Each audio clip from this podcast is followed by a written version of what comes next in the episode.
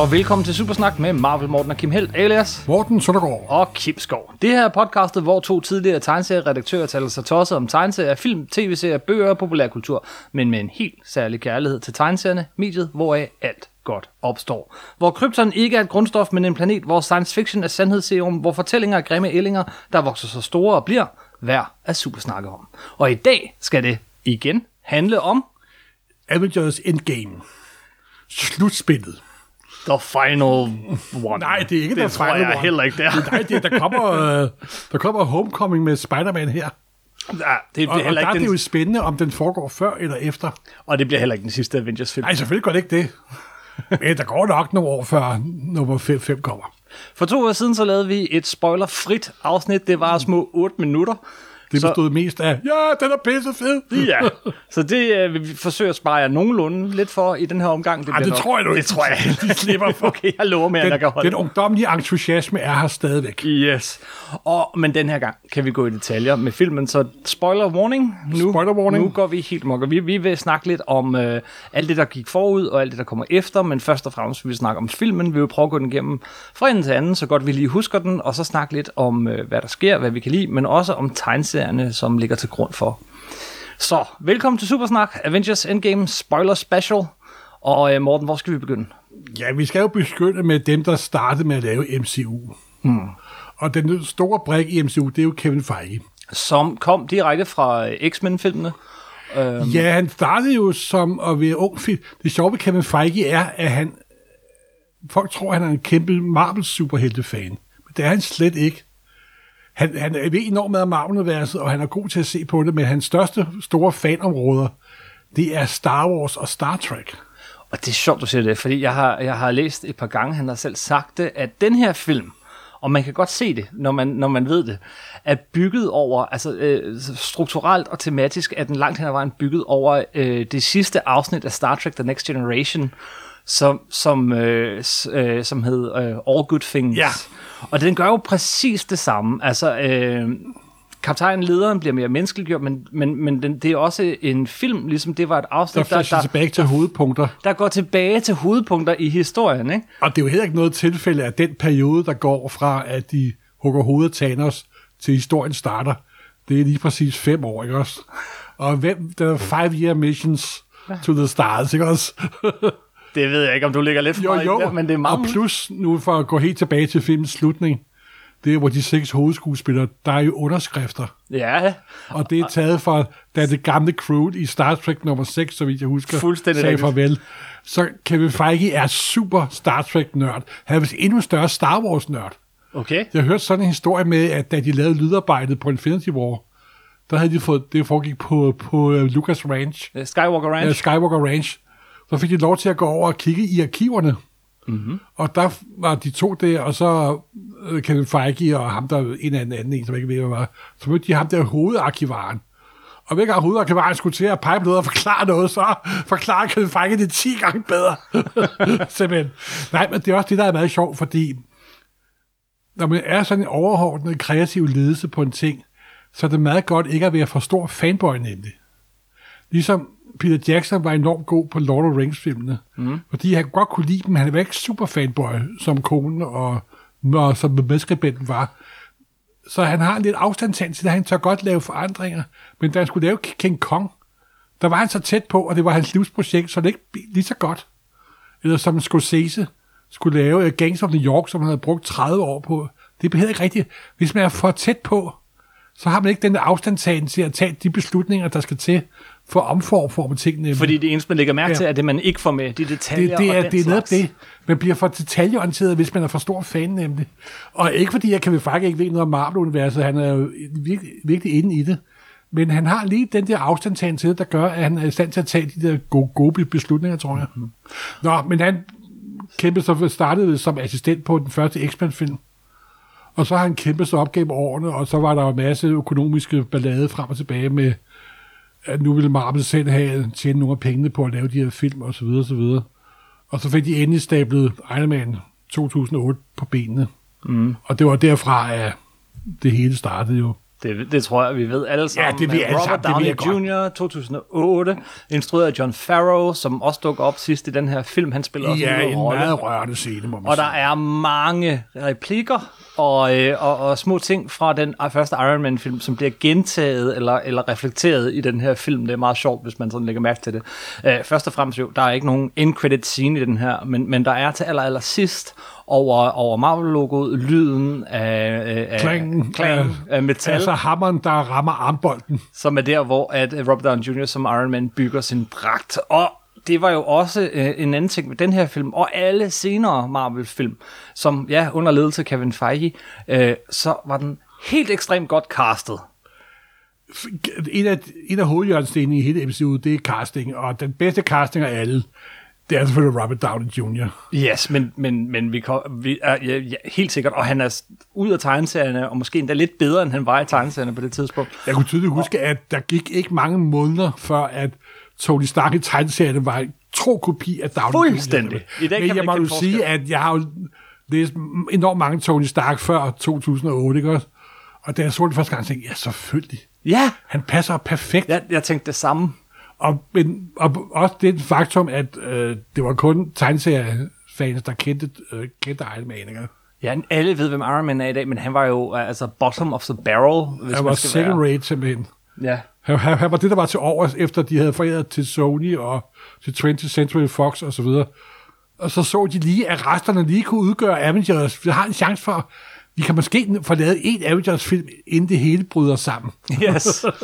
Det skulle faktisk have været Sam Rockwell. Han var i, i, i spil til rollen i rigtig, rigtig lang tid. Og jeg tror, der var enormt mange, men øh, far, Downey Jr. var jo kendt som noget af en sikkerhedsrisiko, på grund af, at han havde haft en masse personlige problemer. Mm. Men de pressede virkelig på, simpelthen. Og så blev det gudskelov ham. Der er det med de vellykkede castinger er, at efter kan du slet ikke forestille dig nogen andre, der spiller den rolle.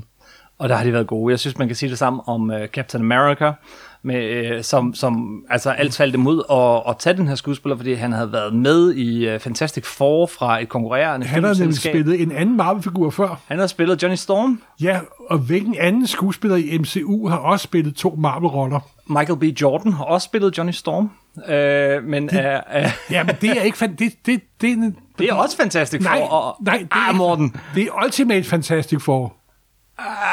Der er nemlig en forskel, for Ultimate Fantastic Four er ikke en familieenhed. Og det er en af grundene til, at den film er også for dårlig. Ja, jeg tror ikke, vi skal snakke om den film, men han spillede med Black Panther. Nej, der, og, det, det jeg vil sige, det var, at John Farrell, der spiller Happy Hogan, ja. Han har også spillet Foggy Nielsen jo. Det har han i uh, Ja, Daredevil-filmen. netop. En usædvanligt dårlig Marvel-film. Yes. Det var før, de blev gode. Nej, nu går vi måske lidt for meget i dybden. Vi kommer til at gå i dybden her. Ja. Men casting, den er helt Chris Evans som, som, øh, som Captain America. Jeg vil også sige, øh, hvad hedder han? Chris Hemsworth. Som Thor, som jeg synes blev bedre for hver film. Altså hver eneste Og film blev den her bedre. film springer han jo ud som en komet, øh, som en, øh, et...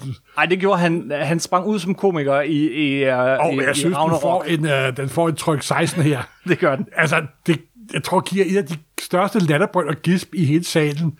Især måske for alle de kvindelige øh, deltagere i salen, da han optræder med langt hår og kæmpe ølvogn. og han er gået totally uh, the dude. Han er virkelig the dude. øhm, øhm, øhm, så bare lige for at nævne navnet. Sarah øh, Harold Finn Det er hende, der er casting director. På samtlige Og hun har været siden 2006. Mm. Fordi man kan se på en af de, der er på øh, den allerførste DVD af Iron Man, der er de, der er de første casting, øh, prøvecasting af Robert Downey Jr. Og der står på øh, klippebordet, der står 2006 nemlig. Mm. Så det har været en lang proces, simpelthen. Så de to har været med siden starten, og øh, Robert Downey Jr. Ja. Øh, og mange af de andre også i, i øh, 10-11 år. Altså, Og det er også det, der gør så godt, at den her, de, alle de her 22 film, det er næsten de samme skuespillere hele vejen igennem. Der er sket lidt af casting er blevet lidt, lavet, lavet lidt om. Edward. Norton blev byttet ud med, med øh, øh, Mark Ruffalo som Hulk, men, øh, Ja. og, øh, og hvad hedder han? Øh, øh, War Machine blev også spillet af en anden skuespiller øh, oprindeligt. øh, Terrence, hvad hedder han? Howard. Terrence Howard, i stedet for Don, Don, Don Cheadle. Yes. Og gudskelov for Don Cheadle er langt, langt, langt en bedre skuespiller, end Terrence Howard er. Nej, men det er også det, at der har været samme kreativ team bag alle 22 film, Mhm. mm-hmm. med Feige i hovedrollen, og så det her her af kreative mennesker under, som man sjældent hører om. Fordi der er jo det med film, det er jo ikke en enkelt menneske, der laver en film, det er en, som man kan se, når man har siddet 13 minutter og kigget på navne, for at nå frem til slutscenen. Det er jo en her af kreative mennesker simpelthen. Det er det. Og det klipper man lidt en gang imellem, når der sådan er interview med, med, øh, med, med instruktørerne eller skuespillerne især selvfølgelig. Det er jo dem, der er styrende PR-arbejde. Og nogle, nok nogle af de to vigtigste personer, der har nået os frem her til Endgame, det er jo de to forfattere, Christopher Marcus og Stephen McFeely, Ja. som sjovt nok begyndte på, øh, det, jeg kan godt lide det, men en af de mest kritiserede, og, og nok også manuskriptmæssigt mest rodede Marvel-film nogensinde, øh, nogensinde nemlig øh, Thor, The Dark World. Der er det underligt, du siger det, fordi jeg har aldrig fattet, hvorfor folk er så sure på The Dark World. Jeg kan rigtig godt lide den, men den er rodet, den, den hopper lidt frem og tilbage, den havde store manuskriptproblemer. Jamen, der, der, de- på et tidspunkt, så måtte de i helikopter flyve Josh Whedon ind, som ned, og så sætte sig, øh, og på den dag, hvor de skal til at, at, at skyde nogle af de her ting, der sidder og skrive om. Men alligevel har Kevin Feige set noget af de her to øh, manuskriptforfattere, så de fik lov at lave den næste også. Jo, men hør nu her, de havde reddet lavet Captain America, The First Avengers på det tidspunkt. Det var deres Nej, første den skrev de ikke. Jo, Gjorde de det? ja. Er du sikker på det? Jeg har lige set et interview med dem, hvor de sidder og snakker om, at de skrev Captain America. Men der er de her regler i Hollywood med, hvem der skal være på som forfatter og så videre. Deres første film var Du Captain har, America. du har ret. Du har ret. Selvfølgelig har jeg ret. Nej, und, und, undskyld, undskyld. Nu er jeg lidt for arrogant skideri. Du har fuldstændig ret. Øh, og så skrev de selvfølgelig også de efterfølgende øh, Captain America-film, og så øh, alle Avengers-filmene øh, filmene efter Josh Whedon. Og så også øh, Thor nummer 2 og 3. Thor, øh, Thor nummer 3, er du sikker det? de var også med på den. Jeg Jamen, jeg, jeg tror, at de har været en del af... De har været Jamen, kreative det er også- tænketank. Det, jamen, der er også den her tilgang til Marvel-universet, der er mere sådan, ligesom når man laver tv-serier nu om dagen, der er det her writer room. Mm-hmm. Der er ved den her gruppe af manuskriptforfatter, hvor Josh Whedon jo også var en stor del gennem mange år.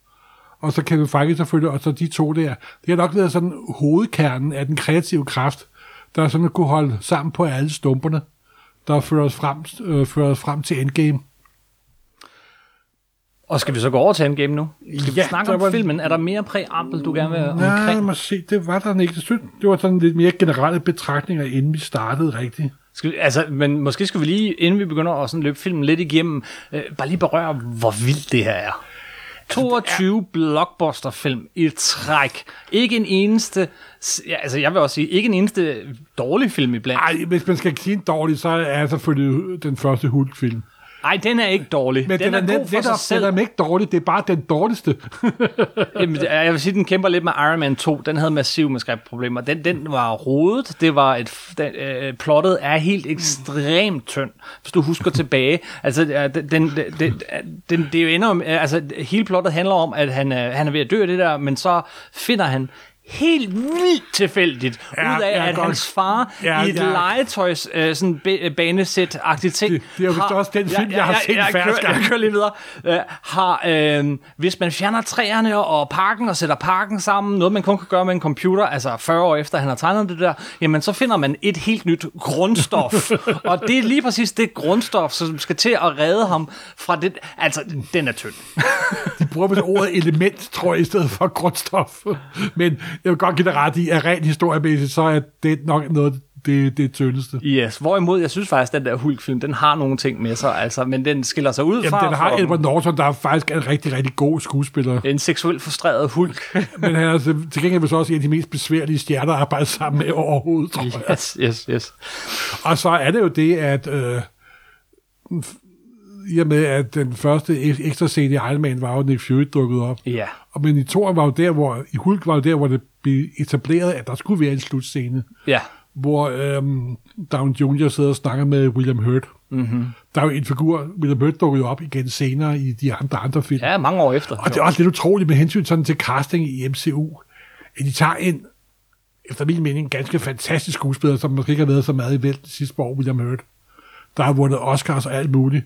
Og han stiller gladeligt op til at være med i 10 sekunder her, og 15 sekunder der, og 1 minut der, og Ja. så videre, så videre. Og topmålet må jo være den her film. Der er, øh, øh, så vidt jeg husker, otte Oscar-vinder med den her film. Der er øh, 12-13 Oscar-nominerede folk med i den her film. Ikke? Men også bare lige for, for så måske lige vende tilbage og afslutte det der med casting. Øh, de har jo gjort det hele vejen igennem, at de har castet nogle forholdsvis, eller næsten totalt ukendte skuespillere i hovedrollerne, og så har de omgivet dem af supertalent. Man kan sige, at Rob Downey Jr. er en undtagelse. Han var også den første. Edward Norton også. Og men han, han, han, han var faktisk ret, ret ukendt af det normale gik biograf. det var han. Han var også gået fra at være, være filmskuespiller til tv-skuespiller. Øh, altså han var og, og røget ud af den der Ally McBeal-serie øh, i sit misbrug og alt den slags. Men, men altså, de har taget nogle ikke A-liste skuespillere, og så har de omgivet dem af, af, af altså sindssygt talent. Altså, fra, Altså, da fra, Robert Redford dukkede op i uh, American Winter Soldier, der, der var sådan, er det her, vi er nået til? ja. ja, jamen det er rigtigt, altså, øh, men det går jo helt tilbage til starten. Anthony Hopkins, som er ja. Stort set den eneste, tror jeg, udover Phil Coulson, af alle de der si- øh, sideroller, og, og Stellan Skarsgård, som, som ikke du, øh, dukkede op i den her øh, Avengers-film. Men Anthony Hopkins, og, øh, og, og hvad har vi... Øh, Marke, Marke Douglas og Michelle Pfeiffer. ja, jamen hele vejen igennem. A-liste Ja. talent. Og John Hurt. Øh, hvad hedder det? Øh, ikke John Hurt. William Hurt. William Hurt. John Hurt, det havde været fedt, men det er desværre for sent. Ja, han er jo død. desværre. Nå, men ja. Ja. skal vi komme til filmen, Ja, Morten? simpelthen. Uh, nu kan vi endelig snakke om den, og, og, og, og jeg synes, vi kunne virkelig ikke, jeg har hørt flere anmeldelser, men de alle sammen, de spoilede lidt, fordi den fedeste filmoplevelse her var ikke at vide noget som helst, inden man gik ind til Jeg var enormt glad for, at jeg fik den set tidligt, det må jeg sige. Det er også uden at vide noget som helst. Så jeg blev overrasket lige fra start. Den starter jo sådan virkelig øh, stille og roligt. Den starter øh, med, øh, med sådan en, en picnicudflugt, med, hvor Hawkeye, som vi ikke har set i, øh, i hele den, den, den sidste film, øh, øh, står og skyder, skyder med buerpil sammen med sin, øh, sin datter, som i øvrigt er spillet af øh, Russo, en af Ja, det er en af datteren. Jeg tror, det er Andrew Russos datter. Mm. Og så, øh, ja, så sker jo det, som vi ved sker fra sekund 1. Puh, det bliver til støv. Og det er jo faktisk en dybt tragisk scene, altså. Ja. Du ser en mand for et sekund gå fra at være en lykkelig familiescene, mm. hvor der er ro og tryk og tilfredshed, og så vender sig om, og så er hans verden totalt 100% f- smadret. Ikke? Og vi følger hans deroute først lidt på afstand igennem andre replikker, og vi får at vide, at han, han, han slår det ene forbryder-syndikat øh, efter det andet ihjel, og han går helt amok. Han bliver til Ronan, som også er en tegneserie-reference, den kan vi vende lidt. Ja. tilbage til. Øh, men lad os lige et øjeblik blive ved, ved Hawkeye, fordi Hawkeye, synes jeg, øh, er den figur på filmene, som ligger længst væk fra tegneserierne. Synes, synes du det? Det synes jeg. Faktisk i begge versioner, fordi i tegneserierne har de nærmest to Hawkeyes. Der er før David Aher og Matt Fractions øh, fantastiske Hawkeye-serie, øh, som, som er så fantastisk, øh, men hvor han er sådan en lidt en taber, øh, kan ikke rigtig tage sig sammen til Ej, noget. det har han da været hele tiden. Nej, men før det, så var han... Nej, nej. I uh, West Coast Avengers, oprindelige Avengers og sådan noget, der er han mere sådan en... Han er en smartass, og han Vi er misundelig på Captain Avengers America. 16 jo. Ja, ja, ja, men der er han, helt fra start, der er han jo sådan lidt misundelig på Captain America. Han er også, han har også lidt Han er mindre værd. Han er simpelthen skurk, da han dukker op. Han, han er skurk, da han dukker op første gang, og det har de med i filmen Tales of lidt. Suspense nummer 57. Mm-hmm. Og det sjove er jo, at fem nummer før Tales of Suspense, det var den serie, hvor Iron Man var første gang med nummer 39. Og i nummer 52, den serie, så dukkede Black Widow op første gang. Mm-hmm. Dengang hun mere var sådan en, en femme fatale Og russisk spion. med, med slør og sikkert kraftig engsang og, og så videre, så videre. En typisk kold, kold krigsfigur. Men det er også derfor, de to, fordi vi så begyndte de at arbejde sammen nemlig mod, mod Iron Man. Og det var først, da Captain America lavede en ny udgave af Avengers i nummer 16, det der meget berømte købekopper, hvor han står og siger Avengers Assemble mm-hmm. og rejser skjoldet. Hvor også hvor øh, Scarlet Witch og Quicksilver var med. Mm-hmm. Og der var Hawkeye også med. Og der var øh, mange i serien i starten, det var sådan et trekantsdrama, hvor Hawkeye hele tiden skulle udfordre Captain America simpelthen. Og, og senere ble, øh, blev han smidt ud af holdet dengang. Øh, der kom der til at være syv på holdet i den der periode, og det snakkede vi om i vores Avengers gennemgang, og så blev han leder af West Coast Avengers. Men han er, øh, der er han en, en, en leder og sådan noget. Jeg synes, i filmuniverset er han mere blevet sådan en mandlig udgave af Black Widow, øh, spion, de har været som Budapest og sådan noget. Jeg synes faktisk, han ligger ret langt væk fra tegneserierne. Ikke at det nødvendigvis gør noget. Ja, det, det, det er meget sjovt, du siger det, fordi det har jeg faktisk ikke tænkt på. Du er godt nok heller ikke en stor Hawkeye-fan, det ved jeg. Jo, altså, ja, nu har jeg jo lidt med folk, der skyder med bud og pile i et superhelte mm. men og han, var, ikke, var det ikke den første Thor-film, han dukkede op første gang? Han dukkede op ja. i, i Thor-filmen i sådan en lille bitte øh, scene, hvor han i øvrigt øh, bliver kaldt for The Hawk ja. af, af, af, af Stellan Skarsgård. Øh, han, får, han bliver aldrig kaldt Hawkeye i det her film, men han kalder sin datter for Hawkeye i de ja. første minutter af Avengers Endgame. Det er lidt sjovt. Og det er også sjovt, fordi at der er jo i tegneserierne en Hawkeye-pige, som dukker op i uh, Young Avengers, uh, ja. og, og, uh, og som uh, også er sammen med ham i den her fantastiske, det skal lige se, fantastiske serie, David har om Matt Fraction. Ja. Og det er ikke tilfælde, at jeg nævner tegneren, før jeg nævner forfatteren, fordi det er virkelig tegneseriekunst. Det er sådan en, nærmest en blanding af, af, af actionfilm, klassisk Marvel, og så øh, Chris Ware. Ja, og så også slapstick oveni og alt muligt. Ja, så den der hund. Der er, et helt, der er et helt hæfte af den serie, som er fortalt fra en hunds perspektiv, ja. og man ser dens uh, tankebobler, som er lyde og, og lugte og sådan noget. Det er en fantastisk serie. Ja, det er det. Og jeg synes, Hawkeye i filmene ligger langt væk fra det. Han er også den, der har fået sådan mindst øh, kød på sig i filmene, bortset fra måske Avengers Age of Ultron, hvor vi fik lidt mere om ham, men ellers så er han den, der dukkede op i, i få sekunder her, få minutter der, og, og, i den første Avengers-film jo var, var, var var øh, hvad hedder, hjernevasket i næsten halvdelen af filmen. Jo, så jo. det er dejligt at se, at man starter filmen på ham. Ja, det har du ret i. Simpelthen. du, vi giver Hawkeye for, hvad Hawkeye er. Okay, og hvad sker der så? Ja, så er der jo klip til Tony Stark. Ja, som er fanget ude i rummet. Som er strandet ude i rummet i, øh, hvad hedder det, øh, Guardians of Galaxy's øh, røde rumskib. Det var bare et lykkes at komme væk fra den planet, mm-hmm. hvor øh, de kæmpede mod Thanos. Og der er han sammen med øh, Nebula. Ja, som han... Øh, som, som han, som øh, han menneskeliggør i den ja. periode, han er sammen med hende i, i, hvor hun faktisk bliver mere og mere menneskelig. Og igen har vi det her med, det er en af de karakterer, som jeg er jo helt vild med, Karen Gillan fra, fra Doctor Who. Hun er jo spiller... en, af, en af de companions. Yes. Den som... næstbedste companions. Efter Rose, ja. Som spiller, øh, øh, som spiller, som øh, er jo øh, lidt, alt for lidt med i de her Guardians of the Galaxy film, synes jeg. Men også hende, hun får også masser af plads og følelse. Hun brænder, hun brænder virkelig igen. Hun får virkelig plads i den her film. Og det er noget, jeg synes, alle uh, Avengers-filmene har gjort, det er, at de har taget de karakterer, som ikke har haft deres egne film, og givet dem lidt mere plads. Øh, hun er skidegod, den her. Og, og vi ser, hvordan de er... Altså, han, de må næsten, enten er det makeup eller også har de brugt noget computereffekter, men han ser helt sådan afkræftet ud. Og sådan lidt ligesom astronauter gør, når de kommer hjem tilbage fra rummet, ikke? Altså, musklerne er svundet lidt ind.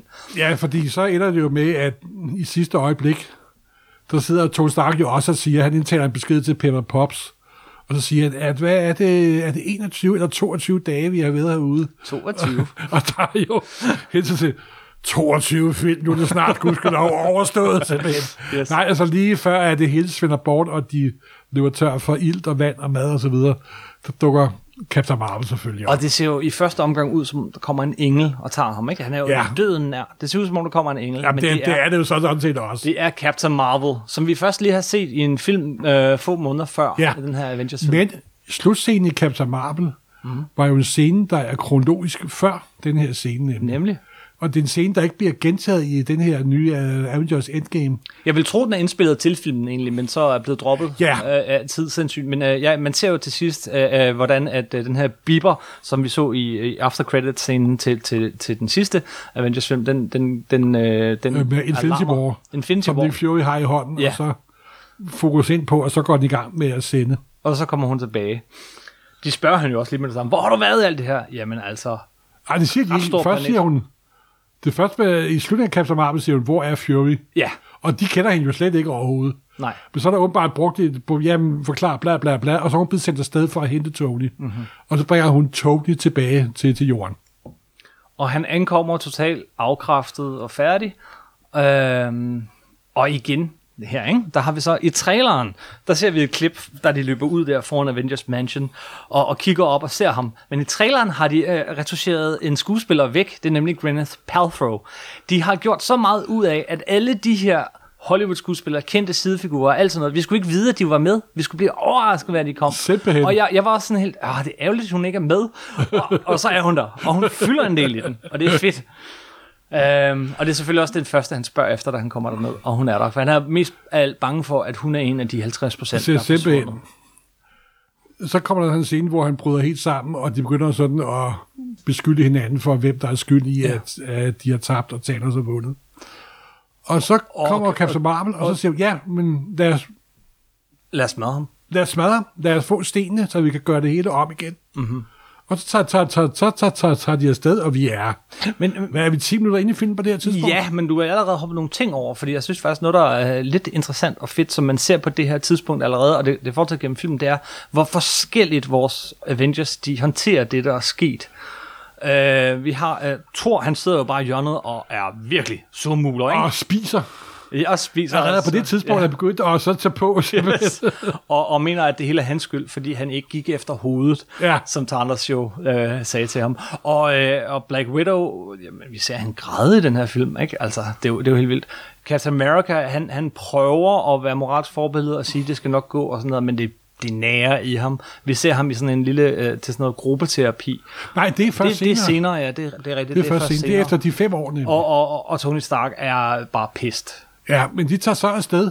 Ja, fordi Rocket Raccoon er med. Og det er så fedt. Rocket Raccoon fra Guardians of the Galaxy, han, han er der bare. Der er ikke nogen, der sådan... Jo, okay, der er lige den der, da han begynder at tale første gang, så, så øh, giver det gip i Tony Stark. Øh, Bill the Bear. Ja, jeg, eh, okay, seriøst. For indtil for to sekunder siden, så troede jeg, at du var en Bill the Bear. Maybe I am. Uh, ja, og så uh, finder de Og det ud sjove af... er med, med Rocket Raccoon er, han er sgu sådan den lidt praktiske fyr, ikke? Ja. Han bygger tingene, og kom nu lidt videre, nu skal vi til at gøre noget, ikke? Tag nu sammen for helvede. Der er meget god replik. Forbandet pattedyr. Ja, der er meget god replik lidt senere, hvor han siger til, til Stark, ja, ja, det er kun her på den her planet, du er et geni. Nej, men øh, de finder ud af, øh, at, at dengang, øh, at 50% af jorden blev, blev udryddet ved et snap, 50 procent af universet. at universet blev udryddet, så, så øh, var der en kæmpe energiudladning, og nu har de opdaget en energiudladning igen af samme styrke. De ved, hvor Thanos er, de skynder sig afsted, de finder ham, han Og man finder Thanos, så tager han så klip til, til Thanos, med det berømte klip, hvor man går gennem marken, og der hånden stryge over kornet. Yes. For Gladiator. Det er mest et af de mest misbrugte klip øh, siden da, simpelthen. Altså, Yes. Alle film har det med, hvis der er en mark, så skal der være et gladiatorklip, simpelthen. Yes. og, øh, og, og så, øh, jamen, så konfronterer de ham, og vi tænker, hold da kæft, der er gået 10 minutter i den her film. Jeg tror faktisk måske, der er gået 20, men det føltes som 10. Og, øh, og, og, og, og hvad skal der nu? Nu får de handsken, men... Handsken er tom. Han har brugt juvelerne til at udslette juvelerne. Han har brugt stenene til at udslette stenene. Alle Infinity Stones er gone. Aha. Og så Thor, han går panik, og så gør han det, som han skulle have gjort for en film siden, han hugger hovedet af Thanos. Yes. Og så, Så tænker man, øh, oh, nå, jamen, øhm, det var da den korteste film, de har lavet ind, indtil dato. ja. Og det er jo fuldstændig fantastisk, simpelthen, altså, det er sådan, hov, og så er man, og det er sjovt, men de klipper hovedet af Thanos der, så er man på helt ny grund. Så aner man ikke, hvad der sker. man aner ikke, hvad der skal ske. Så ser man Thor gå bort, og så er der en fem års ventetid. Så står der sådan stille og roligt, five years later. Og så er vi bare nede. Altså, så, så er der jo sket noget med dem. Jo, Captain America, vi, vi, vi starter vist, er det ikke det første, er, med, at vi ser Captain America i den her selvhjælpsgruppe, hvor de sidder og snakker om, hvordan man håndterer Nej, vi ser jo det, er først. New York, sådan en, en jord, der prøver at acceptere, at 50% af alle alt levende væsener er væk. Mm-hmm. Og hvordan man kan sådan tydeligt mærke, det sådan en jord, der sådan langsomt, meget langsomt er i gang med et umenneskeligt sovearbejde. Simpelthen. Og man ser, at der, der er mange af de her højhuse i New York, som der ikke er lys i. Ja, simpelthen, og man ser sådan øh, en verden, der er gået totalt ned i gear, simpelthen, mm-hmm. og nærmest i dvale. Og så er der klip til den der øh, selvhjælpsgruppe. Som øh, udover at, at han sidder der og så siger alt det, han ved, han skal sige, men, men senere senere finder ud af, at han ikke selv er overbevist om, jamen så er der jo nogen, nogen med. Vi har for eksempel instruktør, en af de to instruktører, jeg tror det er Joe Russo, som sidder der. Nej, det er vist Andrew Russo. Anthony? Russo, som sidder der med sine briller på, så man kan kende ham, og, og, og, og har nogle replikker, øh, snakker om, om sin kæreste, øh, mand, som, som er væk.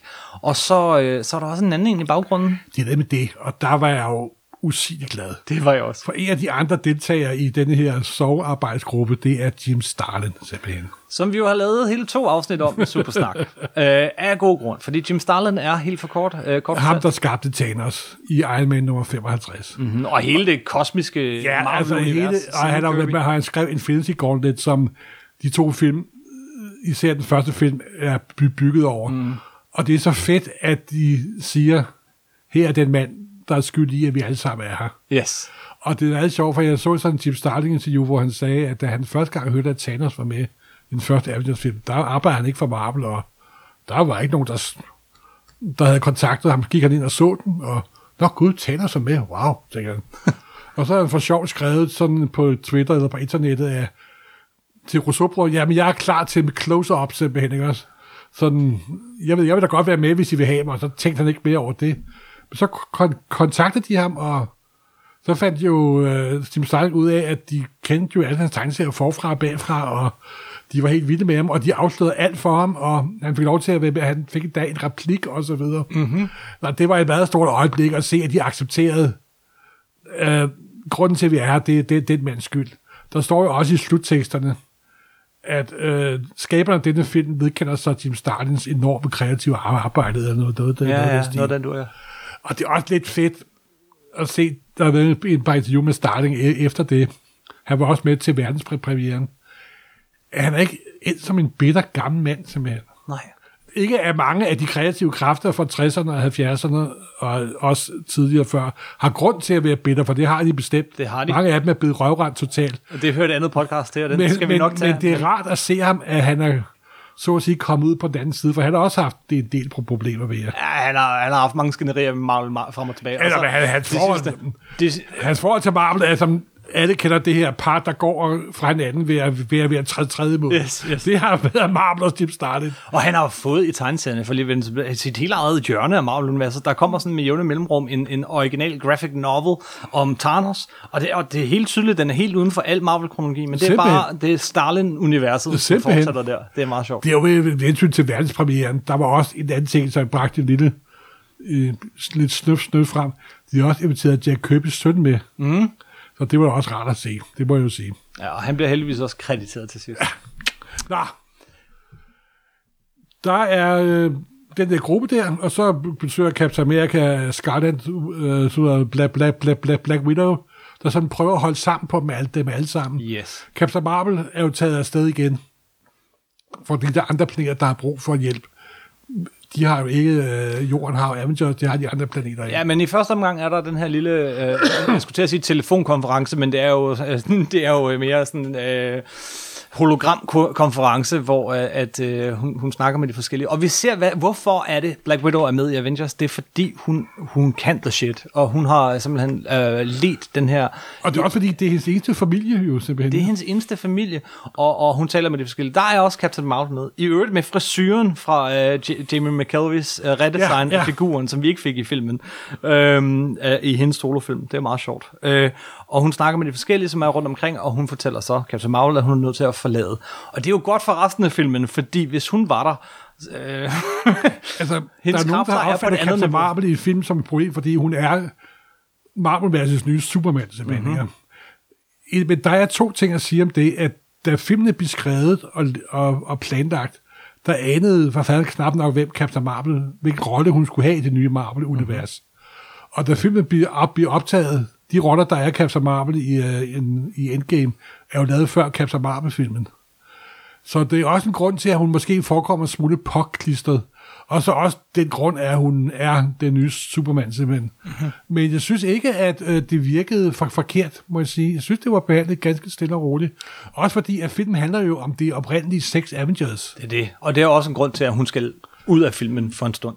Øh, hun, og øh, i øvrigt, så, så øh, hun, hun, øh, hun optog den her film, før hun optog øh, ja. Captain Marvel, og hun ser også lidt anderledes ud. Det skifter lidt forskellige frisyrer og, så- og så videre.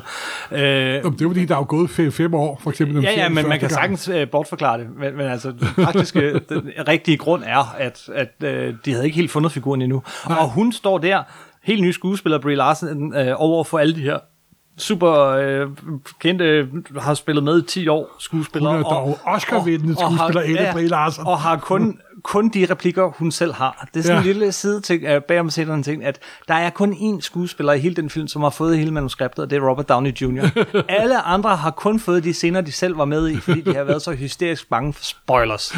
det er meget sjovt. Nå, men øh, da, da den konference slutter, så, øh, så bliver øh, War Machine stående lidt tilbage, og så siger han, øh, nu skal du høre, der, der er sket det her, øh, alle de her mennesker er slået ihjel nede i Mexico, og øh, jeg, jeg tror altså, det er vores gode ven Clint Barton.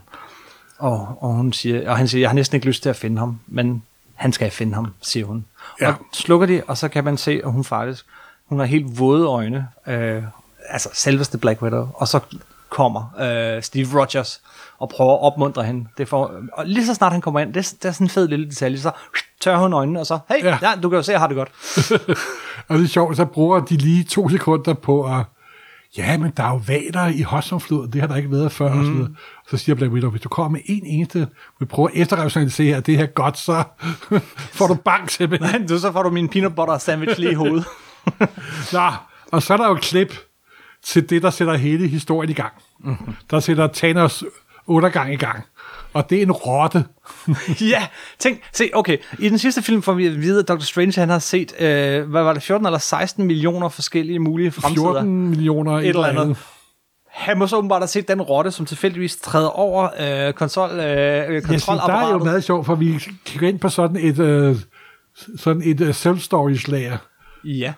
hvor der sidder en mand og læser i paperback. Mm. Og nu vil jeg lige tage et lille, som det nu hedder på ny amerikansk, deep cut, som det hedder. Den mand, der sidder og læser, han er jo en skuespiller på den tv-serie, der hedder Community. Community var jo øh, tv-serien, som øh, Anthony Joe Russo instruerede en hel del afsnit Ja. af, og øh, var producenter på. Øh, Nu går vi endnu mere deep, deep cut. Ja. Han læser en paperback. ja. Terminal Beach, Terminal Beach. af J.R. Ballard, eller J. J. J.G. Ballard, der er en amerikansk science fiction, nej, der er en engelsk science fiction forfatter. Det er ikke en roman, det er en novellesamling. Jeg har læst den for mange, mange år siden. Jeg har den også stående her. Den novellesamling indeholder en novelle, der hedder The Endgame. Der hedder Endgame. Yes. Og den er ikke en skid at gøre. Det handler om en KGB-agent og et offer, der har sådan et psykologisk spil. Det må være grund til, at de har den paperback med. Det er det da. Fordi, undrer mig, jeg huske, da jeg sad og så filmen, J.R. Ballard, i en, altså, han er jo en new wave science fiction forfatter, sådan en meget eksperimenterende form for litterær science, science fiction, har også været grund til at have også været med til at skrive en Spielberg-film og så videre. Men hvorfor er den med? Så gik jeg tilbage og tjekkede, og så, der var en novelle, der hed, der, der, der hed Endgame. Det var derfor, at de har den med, simpelthen. Eller også så noget endnu mere deep cut.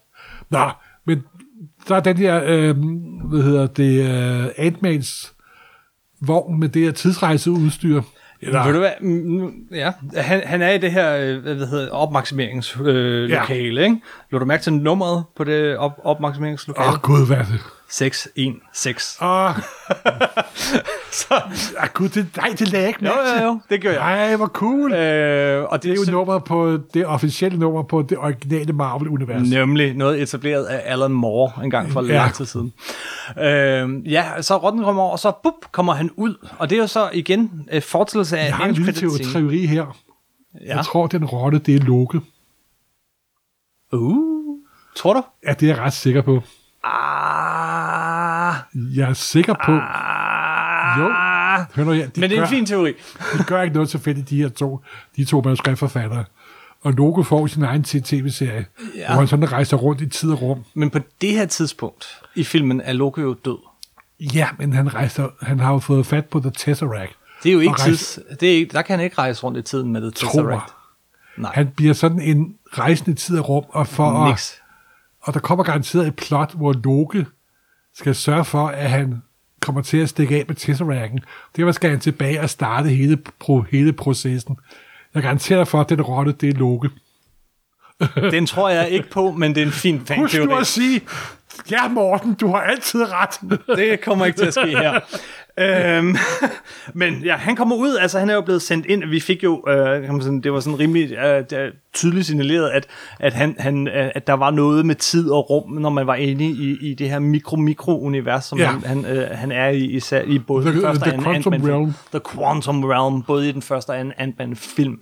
Øh, han kommer ud, og, øh, og han er totalt forvirret og sådan noget. Det viser sig så, at han har, han har været væk i, det siger han senere, men han har været væk i fem år, men i hans tid, hans oplevede tid, har han været væk i fem ja. timer. Og der er jo fantastisk rørende set, hvor han møder sin datter, der er vokset fem år. Først han render rundt for at finde ud af, uh, please, please, vær i live, please, please, vær i live, please, please, vær i live. Så er der den scene, hvor man kan se, at de har lavet den her mindepark. Ja, Alle det der meget berømte monument, der er i Washington for de faldende, altså væk omkring. ja. Og der er sådan nogle monolitter med alle navne på, og det er meget, det er meget smukt, synes jeg. Mhm. Mm-hmm. Og finder, Og, og så opsøger han datteren, der er vokset fem år, og der, jo, der, der må jeg indrømme, der kæmper jeg jo lidt, Ja. så jeg en klump i halsen. Og igen, Paul Rudd, han fylder også en del i den her film. Jeg, jeg, min, min teori er, at han ikke havde så stor en rolle oprindeligt, men fordi han bare har været så sjov og så god, så hans rolle er Og men vokset. han er god, fordi han kan også, han, han har jo enormt god øh, komisk timing, men han er også den der scene, hvor han møder datteren. Mm. Det er da, han har spiller fantastisk simpelthen. ikke? Og så er han også øh, i situationstegn the average guy, ikke? Altså, Jo. han er ikke en af dem, der har været med fra starten, så han er også lidt publikums... Øh, Han er stadig imponeret over, at han kender kan, Captain America. han, han er lidt øh, publikums stedfortræder i den her film, hvis man ikke er en af dem, der har set samtlige 22 film Ja, 22 ja. gange. Øhm, ja, og så, øh, så kommer han så hen til, til der, hvor øh, Black Widow og øh, Captain Uh, America the sidder og compound, snakker. the Avengers compound Ja. der. Og, og, og Captain America siger, hey, er det, hvad er det? Er det en optaget, er det en gammel optagelse? Nej, det er hoveddøren lige nu, og han kommer ind, og så er det, at plottet så småt kommer i gang. Så begynder, så begynder historien for alvor. Mhm. Mm-hmm. Og der begynder plottet er, at vi skal rejse gennem tiden for at finde de seks Infinity Stone og lave vores egen Infinity Gauntlet, og så gøre det godt igen. Yes. Bringe dem frem i tid. Men i mellemtiden, da jeg har fået den idé meget tilbage i tiden, så er der jo klip til Tony Stark Peter Pops, og hvad der er sket med dem i fem år. Mhm. Mm-hmm. Og de har jo fundet en ekstrem idyllisk tilværelse og har fået et ekstremt cute barn simpelthen. Han er den eneste, der sådan set er kommet videre. Ja. Eller det par er de eneste, der egentlig er, er de oprindelige Avengers, der har formået at komme videre.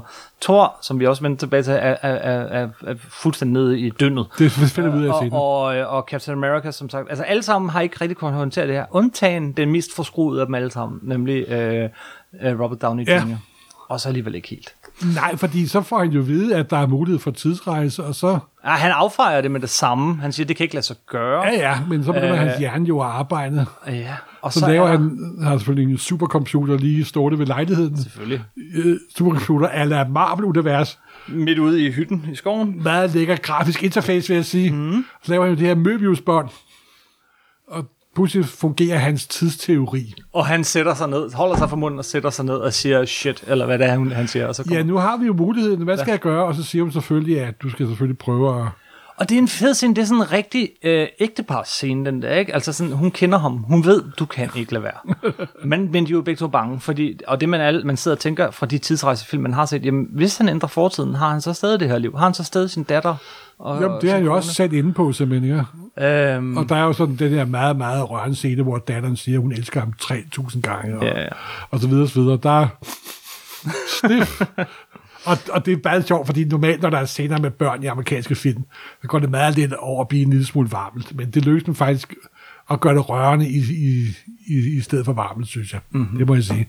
og så kommer den næste store overraskelse. Øh, Ja, det er, at de, i mellemtiden, så prøver de på at få det her tidsrejse til at fungere. øh, uden Tony Stark. Og så ja. kontakter de den anden mest intelligente mand i hele Marvel-værelset. Ja. Og det er jo Bruce Banner. We need a big brain det. Ja. Bigger than his. og det er, ja, det er jo Banner, som Hulk. overrasker os igen. Det er Peter Davids Hulk. Det er, net- det er præcis det, det er. Peter David, som er forfatter af i, årvis på hulk Han er den, der har skrevet Hulk i længst tid. Det tror jeg. Øh, som på et tidspunkt gjorde det, øh, faktisk af to omgange, at han gjorde Hulk intelligent. Først som sådan en grå Hulk, øh, med reference til det allerførste Der nummer. var blevet benknuser i Las Vegas, Yes. og så gangster. Og så senere som sådan en øh, knap så, så stærk og mægtig, men, men, men en blanding af, af Hulk-personligheden og øh, Bruce Banner-personligheden. Det hed på dansk seje Hulk, og kom i sådan nogle øh, 36 siders hæfter. Øh, Ja, jeg har selv øh, redigeret og oversat. Så Ja, det. Øh, og dem, dem var jeg jo vild med, da det kom. Øh, så det, det er lige pludselig... Faktisk oversat jo fire, der aldrig, der aldrig kom. Fire... Øh, nej, Ja. ja. kom de ikke senere i sådan en Nej, øh, nej Mega Marvel? jeg har fire, øh, fire uudgivede sejhud liggende på min co- co- computer. Nå. I det mindste så blev backup-historien med det- Daredevil afsluttet i Ja, X-Men. det er øhm, og, øh, og, ja, og, og det var jo også en overraskelse. Altså, jeg, jeg havde desværre, den havde jeg luret øh, ud fra øh, ting, jeg ikke har sådan kunne undgå. Jeg havde ellers virkelig prøvet at holde blackout, men Jeg kunne godt se, at der var nogle øh, legetøjsfigurer, der lignede lidt. Ja. Men jeg tænkte ikke videre over det. Så da jeg så ham i alt hans Peter David Glory der, så var det jo pissefedt. Og ja, den fungerer virkelig, virkelig godt, yes. synes jeg. Og han sidder og spiser en uh, Ben Jerry uh, hulk is ja. Imens. uh, og, uh, uh, For vi ved jo fra den første film, at Peter Jerry har jo også lavet en Iron Man-is, Yes. som Dr. Strange synes ikke er helt god. De foretrækker uh, Holger Burning Hulk, eller hvad de kan. Ja, ja, og det, det, og som han sidder og spiser der. og, øh, og, og øh, igen nogle morsomme scener, hvor øh, at, øh, folk vil tage billeder med ham, men ikke Ant-Man. Det kan også sige, at Hulk er også en, Hulk, Bruce Banner, er også en, der er kommet videre. Ja, Og han faktisk nyder sin nye rolle. han har det skide godt. Der kommer nogle børn og vil have en Z4. Og han, ja, selvfølgelig. Og man kan godt mærke, at det jo ikke er den gamle banner, vel? Der er jo sådan lidt... Han har ændret sig. Han har ændret sig. Der er jo sådan lidt movie star over ham, det må yes, man sige. Yes, yes. Øh, og så begynder de at eksperimentere med tidsrejser øh, i en, jeg vil sige, måske filmens platteste scene. Ja, det må man sige. Øh, hvor- Den er ekstremt plat, simpelthen. Ja, den, den, den var lige plat nok måske.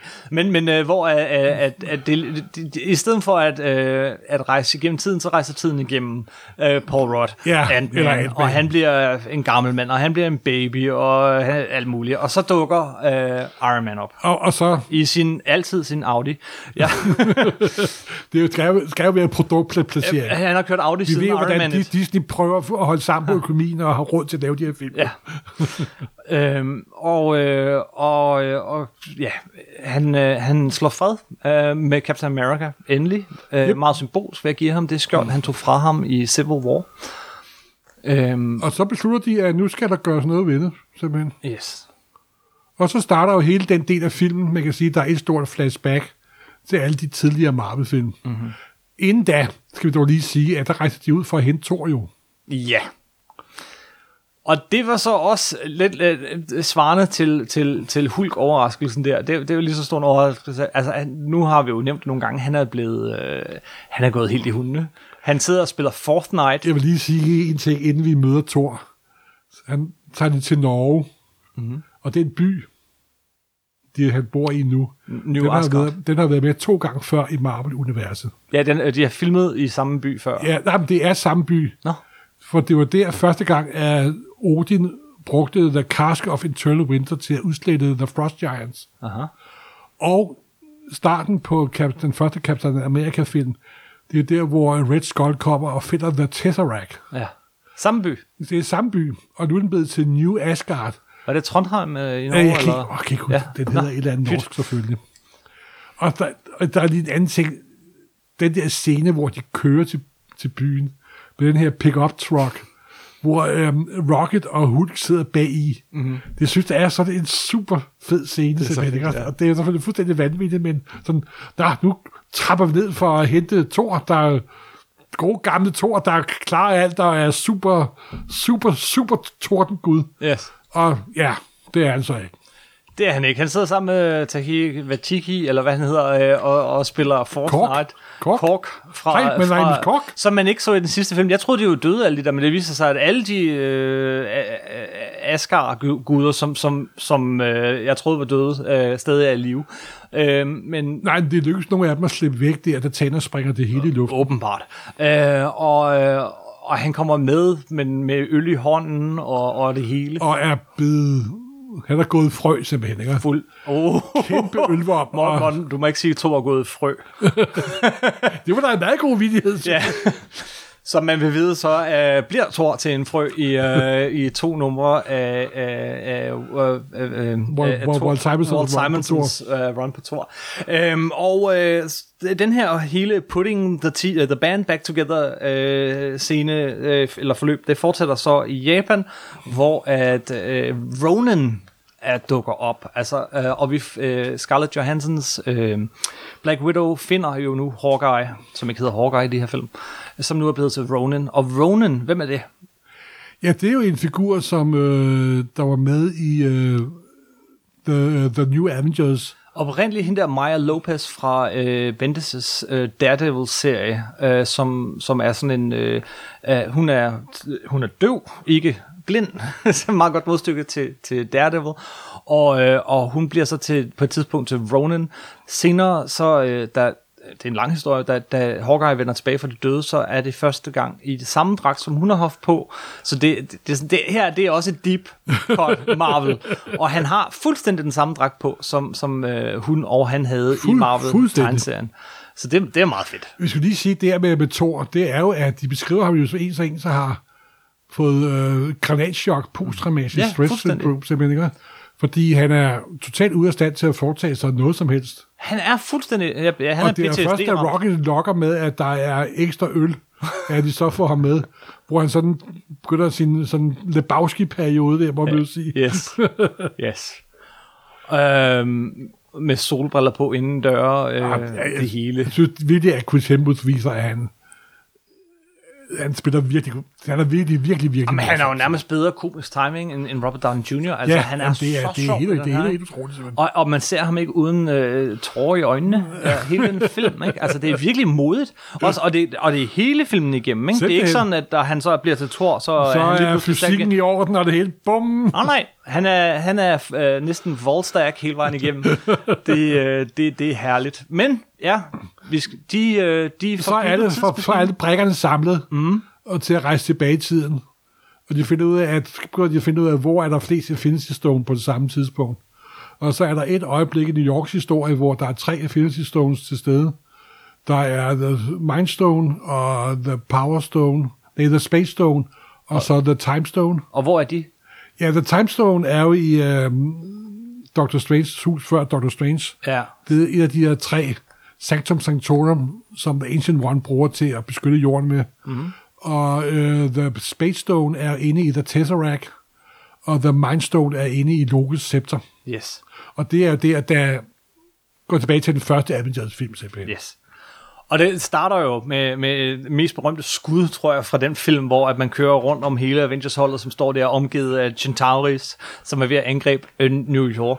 Og det er også, f- ej, det er måske ikke første gang, men en af de første gange i de her film, hvor vi får et årstal på, at det er 2012. Øh, Jeg tror, det er første gang 2012. Og, øh, og det er jo også igen, det er, sådan, nu, det er noget, man ikke gør i tegneserierne, vel? Eller helst ikke i hvert fald, fordi tegneserierne er- har sådan en, en løs tid. Men i de her film, så er det faktisk, altså i og med at skuespillerne også bliver ældre, ikke? så er det jo, øh, at, at det hele er foregået siden 2008 til 2019. Det er jo også det, der måske gør det her run så sjovt på de 22 film, at de benytter det faktum, at vi har kun et begrænset antal år til at lave det her. Ja.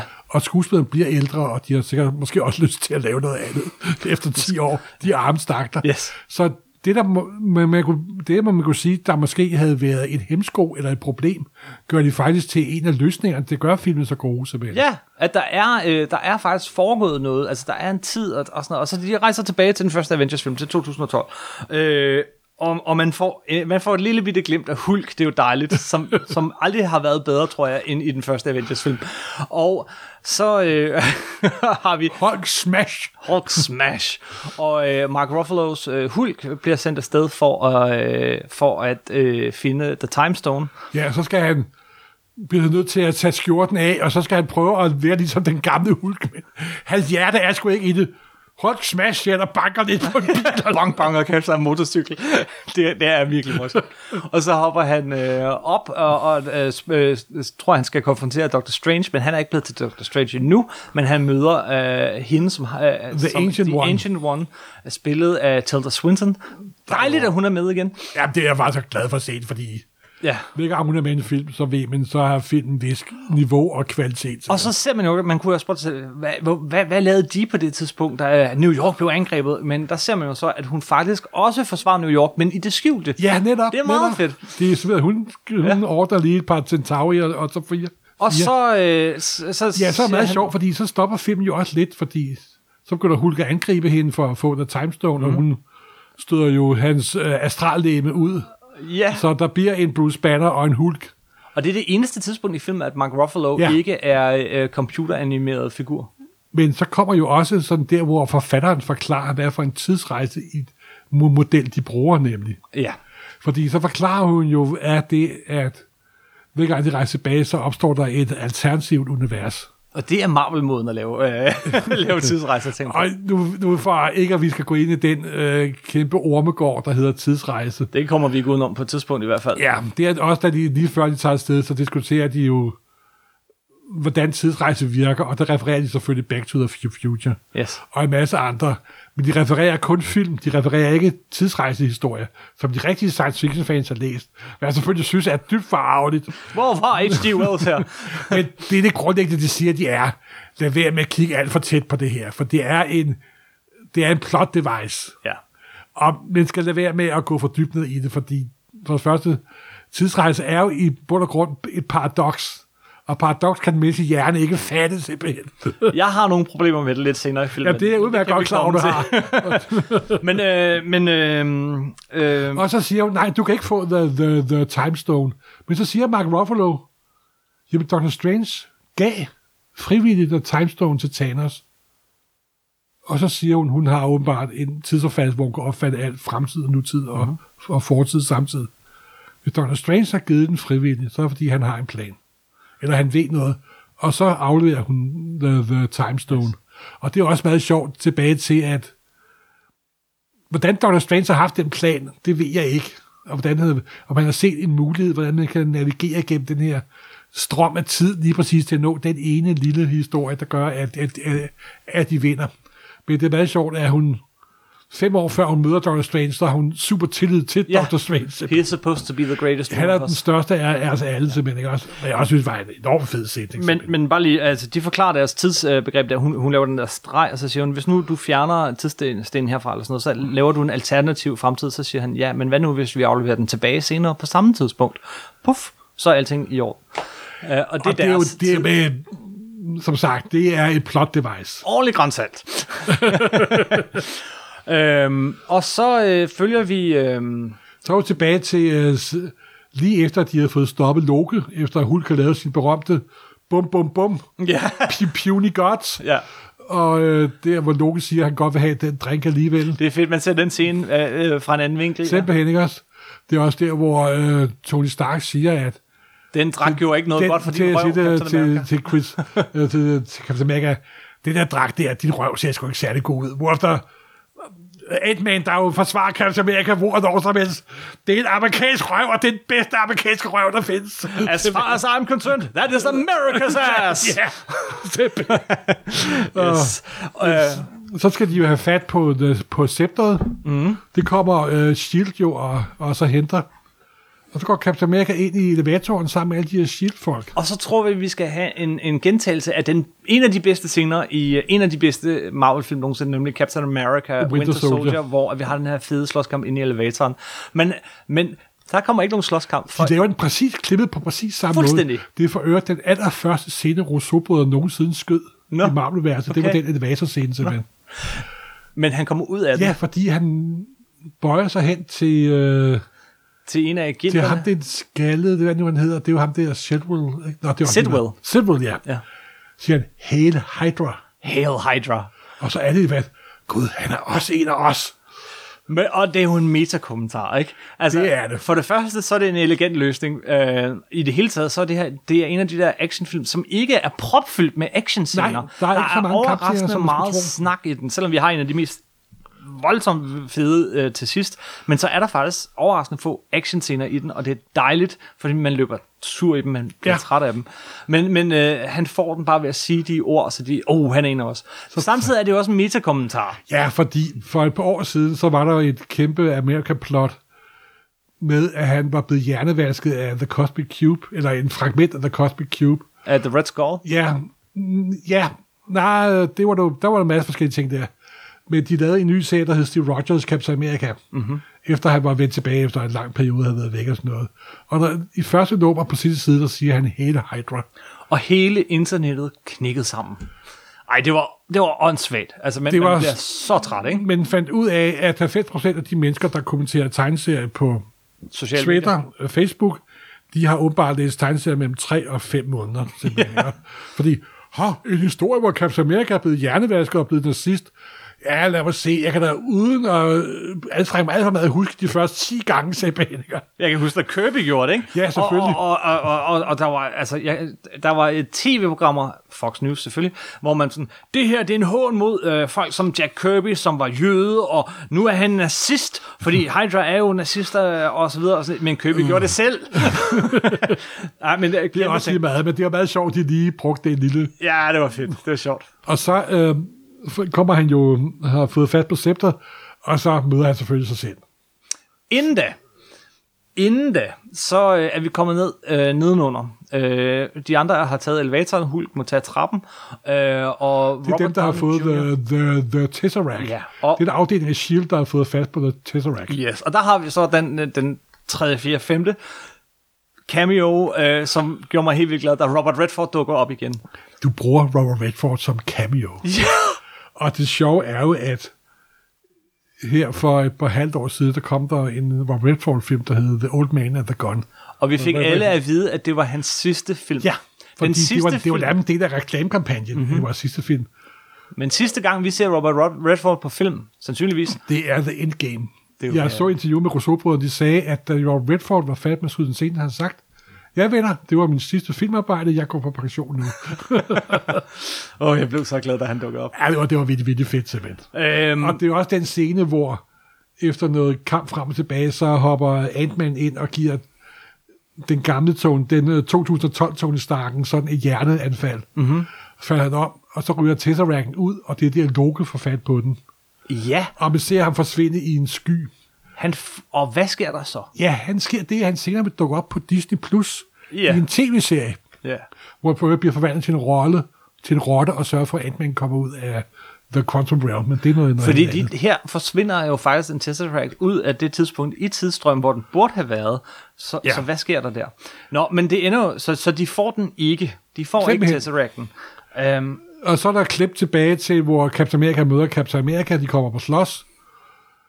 Og hvis du har lægget mærke til det, i uh, nummer to Avengers-film, der er Captain America, han kommenterer, at Tony Stark ikke, ikke må sige shit. Men han begynder han at bande lidt. ja, Ja. han har udviklet sig. Uh, That, get that son of a bitch, siger han der, den skal prøve at få Thanos første gang. Og her siger han, oh, you are shitting me, siger han, ikke? Han er blevet lidt mere grov, grovkortet, den vores Captain America. Ja. Han er dårligt selskab, simpelthen. Men ved du hvad? Alle karaktererne har udviklet sig over tid. Og det, det, det er også fedt. Og så er det fedt, så får han jo stoppet 2012 Captain America ved at bruge, øh, hvor han bruger scepteret.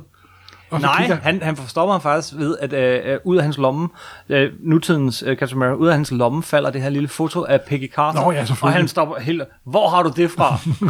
så får han slået ham ud. Så bruger han scepteret, så han falder og op. så se, kigger han på ham, og så kigger han, ja, it is, Captain, uh, it is Americans ass. Hvor kom den fra? Ikke? Hold kæft, det var en af de sæt, der fik det største grin i virkeligheden. jamen, jamen, jeg tænkte, er det noget, de har fyret af under, under, under optagelsen og sagt, det beholder vi sgu, eller har det været plan? Men det er endnu en af de her ting, som bare gør Marvel-film. Nogle gange kommer det næsten over, men, jeg, øh, men, men, men at, at, at de kan krydre den dybeste alvor med de her små, sjove ja. scener. Og altså, det, også gør, det også gør det, at, at, at kagen glider bedre ned. Så Ja, det gør det nemlig. Så kan man bedre acceptere øh, øh, plothuller.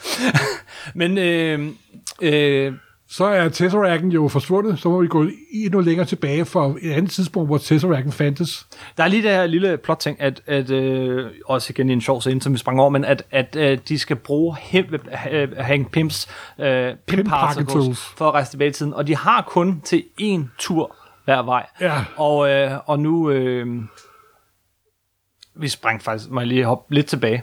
Første gang, så Paul Rudd, han siger, vi har kun øh, til en tur frem og tilbage, plus to at teste med, og så laver han fejl, og så øh, en tur at teste med. Testturen bliver så, da Hawkeye, han tager tilbage i tiden og kommer over, han lander Nå, gud, ja. fuldstændig ligesom i uh, Back to the Future, første gang han rører tilbage i tiden, i, inde i sådan en, en lade. Uh, så det er meget sjovt, jeg tror det er med vilje. Og gå ud, og så hører han sin datters stemme, og forsvinder tilbage. Det er også en fin lille scene. Nå, men de har kun de kan kun gå tilbage eller frem i tiden en gang, og de vælger at bruge på at tage endnu længere tilbage i tiden. Til et tidspunkt, hvor at Iron Man kommer i tanke om, at Tesseracten også var samtidig med, at der var Pim Particles. Ja, og det er 1970. Og så ser vi jo... Og den her øh, Air Force base, hvor Captain America jo oprindeligt er blevet, øh, er, er blevet sådan, øh, trænet, Ja. som vi ser den i den, i den første film. Og så kommer de tilbage dertil, og så er der selvfølgelig nogle scener, hvor Tony Stark han møder sin far, Ja.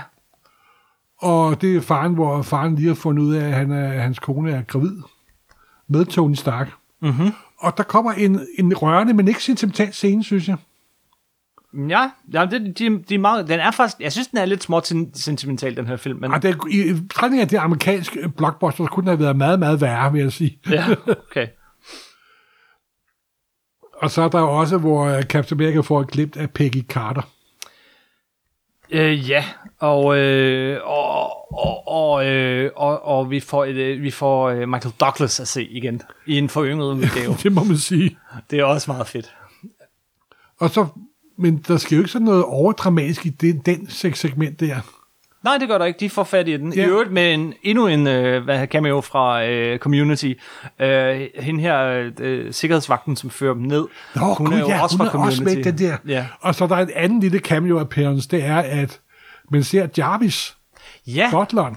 butleren fra tv-serien Agent Carter. Ja. Faktisk den eneste, så vidt jeg kan øh, lige tænke mig Så til, det er nemlig den- den eneste. den eneste af de her øh, figurer, som er gået fra tv til film. Ja, Øh, som, som, og, der er nogle af filmskuespillere, der har optrådt delvis i, i tv-serien. ja, Blandt andet Peggy Carter, der fik sin egen tv-serie, der kom to afsnit. Hmm. Hvor hun, To serier. Ja, to, to, to serier. Hvor øh, hun møder den rigtige Jarvis, sådan det lige, lige, lige, lige efter krigen. Mhm. Mm-hmm. Der er ført, og det er ikke verdens største tv-serie, men det er enormt sjov. Det er, en, det er virkelig en rigtig god tyggegummi-serie, som jeg plejer at kalde det. yes. Og han er som sagt den eneste skuespiller, der er blevet transformeret over i MCU-universet, film, filmuniverset. Mm-hmm. Så kommer de til nutiden. Ja, og så følger vi jo de andre. Nå nej, vi, vi sprang nogen over jo. Sprang, øh, vi, vi sprang jo nogen over. Ja, nu følger vi de andre. Øh, lad os vente med Nebula og, øh, og War Machine til sidst, men så start med øh, Hawkeye og Black Widow. Ja, Lidt sjovt, så tager man de to med mindst superkræfter, eller faktisk ingen superkræfter, og sender dem langt ud i rummet til et sted, det eneste sted, de ikke rigtig kender. Men det kan vi jo så overveje. Og de kommer så til, til den her planet, hvor Red Skull øh, vogter over øh, The, The Soul. Gem. Ja, sjælestenen. Og øh, vi ved jo fra den sidste film, øh, at øh, Thanos kun fik den ved at ofre sin datters liv. øh, offer det, han elsker mest. Ja. Og det er jo sjovt, så, så er det jo heldigt, at de to, som elsker hinanden, øh, som venner, øh, havner der. Og så har vi den her øh, ret sjove scene, hvor de sådan, okay, så en af os må ofres. Og så, Sjov, synes du, det er sjov? Nej, jamen, den er sjov lidt på den der måde, hvor de sådan, så, ja, men vi ved jo godt begge to, hvem det er, der, skal, der bliver nødt til at ofre sig, siger, siger Hawkeye. Øh, og, og der er sådan lidt, og så bare, nogle, bare ved blik, ikke nogen replikker, så siger han, jeg begynder at tænke, at vi ikke snakker om den samme. og så slås de ellers om og offer sig for den anden. Og så dør Black, Black Widow, hvad yes. der kom som en enorm overraskelse for mig. Også for mig, ret tidligt i filmen, så dør Black Widow. Simpelthen. Og det var jo, wow, simpelthen. Ikke? Ja. Og det er igen en af de fede ting i den her film, det er, at den tager nogle beslutninger, som man ikke havde forventet. Mhm. Mm-hmm. Og det er virkelig the endgame, det her. Det er slutspillet. Yes. Og der ryger som en masse brækker i, i slut, slutspillet. Så er der den andet, Det sidste hold. ja, med uh, War Machine og så Nebula. Og det her plottet virkelig bliver indviklet. Yes. De, øh, de, øh, også her gentager vi en scene fra en af filmen, nemlig åbningsscenen for Guardians of the Galaxy, og jeg synes, det er så morsomt, fordi åbningsscenen for Guardians of the Galaxy, hvor Chris Pratt han render rundt og synger til musikken, og du har musikken, og han synger ind i den her rotte og kaster med den og alt sådan noget, så ser man det så uden musikken, altså Ja. hvordan det ser ud udefra. The War Machine spørger Nicola, The man is an idiot. Ja. Hun er ikke tvivl, men manden er fuldstændig landet idiot. Og øh, hun får også meget fin lille scene der, hvor hun går ind og tager den her sten, øh, og hele hendes arm bare går i stykker og alt muligt. Og sådan. Hun ja. er så hård. Hun er super sej cool. Men Ligesom Nebula er jo en delvis, hun er en cyborg, hun er mm-hmm. et menneske, eller hun er et biologisk væsen, og en masse elektroniske mekaniske dele. Og hun, det netværk, hun er på, det er den Nebula, der er tilbage i tiden, før at hun mødte Guardians of the Galaxy, mens er Thanos trofaste assassin. Pludselig er der et sammenhæng mellem de to, og 2014 Thanosen Ja. opdager jo pludselig, at der er et eller andet grønende, grønende galt her. Og så får vi igen Josh Brolin som Thanos. Som tænder, og så... Hey, han var måske ikke helt død alligevel. Han var død. Men Han var med død, dengang? Og han er død, og vil forblive død. Yes. Og, og, og lang historie kort, øh, han får, der bliver simpelthen byttet ud på de to øh, øh, Nebula, så det er den, den 2014-udgaven, som er hans trofaste datter, der bliver sendt tilbage tiden. og Thanos finder ud af, at der er tidsrejse involveret. Mm. Og, Og han finder ud af, at det er hey, måske jeg her, ikke... hvor der måske skulle have været en scene på et par minutter, der forklarer, at Thanos, udover at han er super stærk og så videre også er har en intellektuel kraft, der overgår næsten alle andre. Mm-hmm. Og han er i stand til at regne ud, hvad der foregår.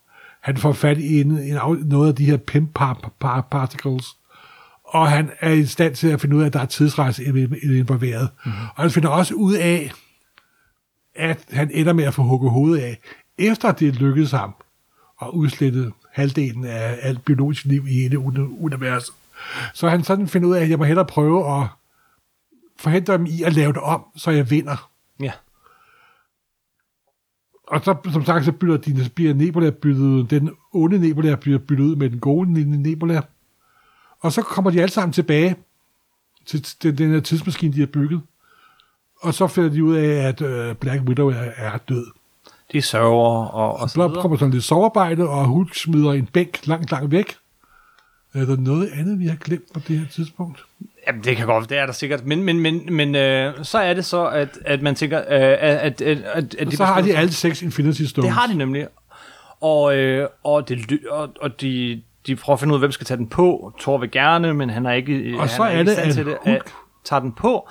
Og der er en meget sjov scene. Mm. Det er, hvis man spekulerer på, hvorfor er det lige præcis er Peter David Holten, øh, Hulken, der optræder.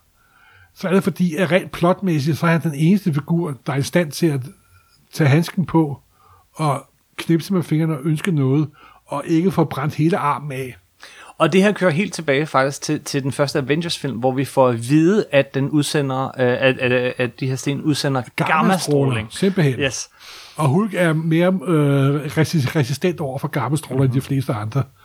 Fordi øh, i hvert fald den oprindelige historie, der bliver han skabt, da den første gammabombe sprang i luften. Hans origin er lidt anderledes her i, i, i MCU. Og Så han videre, får, øh, de, han får handsken på, og han snapper knipser med fingrene, knipperne. Ja.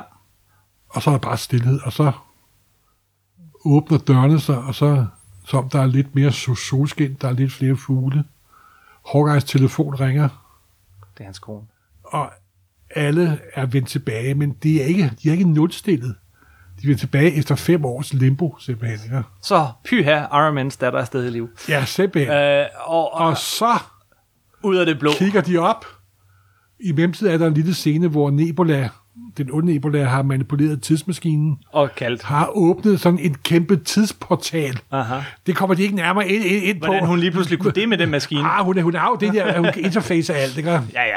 Men jeg må sige på den måde, det er godt, de gør det hurtigt, fordi det, der er sgu en længere for, for, forklaring til. Men som og som arm er, at den øh, onde Thanos fra 2014 vender tilbage, kommer ind i nutiden og prøver at forhindre dem i at ødelægge det, som der lykkes for ham. Og det flyver afsted med missiler, og, og Alt hele Avengers Mansion bliver sprunget i luften. Vi får en dejlig reference nedenunder jorden, hvor Hulk står og løfter det hele op. Ja, det er taget det er- ud af forsiden på Secret Wars nummer Fire. 4. Det, det taget lige det ud af. Og der, jeg lå mærke til, da vi så den første gang sammen med nogle andre anmeldere, øh, så var der også lige et par stykker her og der, som var, hey! Som også kunne genkende den forside. Det var meget sjovt. Øhm, øh, heldigvis er der ingen af dem, der dør af at få et hus i hovedet. Det er jo meget heldigt. Nej, noget Men, andet. Det, Øh, vi, vi ser de er lidt spredt, og vi ser, at Hawkeye opdager, hvor handsken er havnet. Øhm, og, og, og går hen for at få fat i den. Vi ser uh, Thanos og company uh, komme tilbage, og ikke bare alene, men med hele hans hær. Ikke to Centauri-skibe, som i Avengers 1, men med hundredvis af Centauri-skibe og, og alt muligt, de vender tilbage. Og han sætter sig helt roligt og maligt, stille og roligt på en sten, og siger, Nebula, hent handsken til mig. Nå, hvad vil du gøre imens? Jeg vil sidde her og vente. Han er så cool.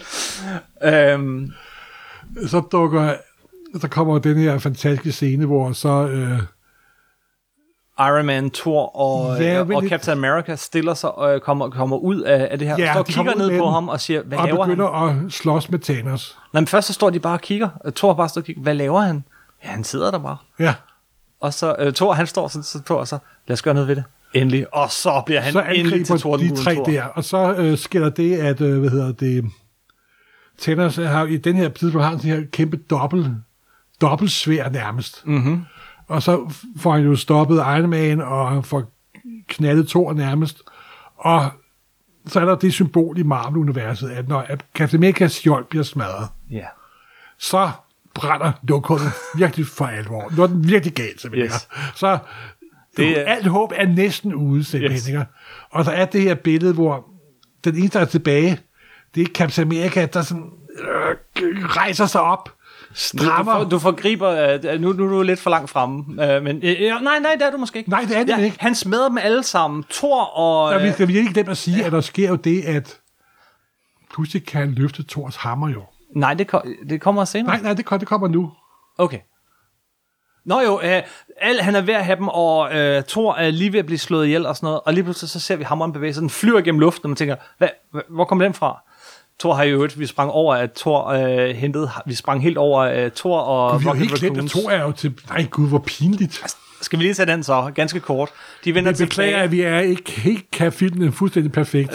vi har ikke nogen Thor rejser selvfølgelig tilbage til The Dark World for at hente uh, The Reality Stone, der jo er inde i Jane Foster, Ja hvor Thor jo møder sin mor den samme dag. Igen blev jeg overrasket. Uh, to ting ved den scene. Ikke? For det første, at, uh, Natalie Portman overhovedet er med. Fordi, uh, Det er ganske har, kort. Det er ganske kort, og det er faktisk i virkeligheden et klip, fra, uh, som de ikke havde brugt, da Ja, de optog ja. filmen dengang. Men der er også en voice-over, som er ny. Ja. Natalie Portman har været meget ude med, at hun vil ikke være med i de her Marvel-film, Ja. fordi hun blev sur på, på, på studiet, da, da, de ville, øh, uh, da de skiftede instruktøren ja. ud på The Dark World. Men hun er med, fordi hun skal jo ikke være den eneste, der ikke er med. og, øh, og, og så får øh, René Russo, nu er vi de her store skuespillere og skuespillere, hun får endelig for første gang en ordentlig scene. ikke? og det er en meget rørende scene, hvor han, han ligesom får snakket med sin mor. Den spejler selvfølgelig scenen, hvor øh, at, øh, Iron Man taler med sin far. Og moren er jo klar over, at han er fra en anden tid, fordi ja, hun er vokset op blandt hekse. blandt hekse, hun er, ja, som jo, hvis man kender sin nordiske mytologi, netop sidder og, og kigger på, på, på tidstråden og sådan noget. Ja. Hun kan noget med tid. Øh, meget rørende scene, og så får han Mjølner tilbage. Han rækker hånden ud, og øh, jeg er stadig værdig, simpelthen. Yes. Yes. Rocket Og hun er siger mor, at han skulle til at spise noget mere salat. Åh, oh, Antor, eat a salad. Som bekymrede møder altid gør. Nå, vi hopper tilbage, Ja, be- be- beklager. øh, tilbage til, til, til det endelige slag her. Øh, Thanos, han, han fjerner dem en for en, han klarer dem, men, men Captain America, den eneste, som, ja, han har jo superkræfter, men det er heller ikke så meget. Han strammer lige skjoldet om Og så sit, er der sit et sår fantastisk billede, hvor han rejser sig op, og der er sådan fuldstændig sådan nærmest helt totalt billede, hvor mm. han står i sådan det her nærmest sådan øh, første verdenskrigslandskab, der er øh, røg og kaos og støv og død simpelthen. Han står ene mand, og så står Thanos og hele, Hele her her, med den anden. Ikke? men han rejser sig op. Han er Steve Rogers, han er Captain America, han rejser op, og han er klar til at kæmpe mod dem. Og, og så tænker jeg, hvad sker der nu? det er det fedeste. Og så- Men, men, inden vi når til det, og så, han får hammeren. Det kan vi ikke hoppe så let over. Nå ja, selvfølgelig, selvfølgelig. Det kan vi ikke hoppe så let over. Det, det, det er så fedt, at hammeren flyver. Men hvad sker der? Hvor kommer hammeren fra? Og så har Captain America den i hånden. Og det er jo et, og også- hele salen brød ud og det er jubel. jo et lille callback til den scene i uh, Age of Ultron, hvor de efter festen der kommer af, om hvem der kan løfte Thors hammer. Ja. Og Tony Stark prøver, og uh, War Machine prøver, og Hawkeye prøver. Steve Rogers prøver, og han rocker en lille smule. ja. Og det, Thor får det der bekymrede udtryk i, i ansigtet. Fordi uh, Steve Rogers er jo Steve Rogers, og han er jo ædel og øh, værdig og så videre. og så kan man sige, oh, okay, der er måske et lille problem her med filmologikken, fordi i uh, Thor uh, Ragnarok får vi at vide, at, uh, jamen hallo, uh, den her lort, uh, er, du, er du gud over hammer, eller er du gud over torden? At torden og lynild er noget, der er i ham, og at den der bare, uh, Mjølner hjælper ham til at Ja. lede den ud. I tegneserierne er der dog en anden forklaring, og det er nemlig det, der står på hammeren, at den, som er værdig, vil få Thors styrke og kræfter. Ja, Ja, og faktisk så visker øh, Anthony Hopkins det ind i hammeren i, i, i den første Ja. film. Så, så det passer med tegneserielogikken i hvert fald, at, at, at man får Thors kræfter ved at have hammeren. Det passer ikke rigtigt med filmenes, men det, hænger, det, det glemmer vi. Nej, okay. Men det lykkes alligevel Thanos og gør det sådan, at det kun er Captain America alene mod alle andre. Mm. Mens øh, Hulk og Ant-Man og Hawkeye og, og War Machine er fanget under murbrokkerne.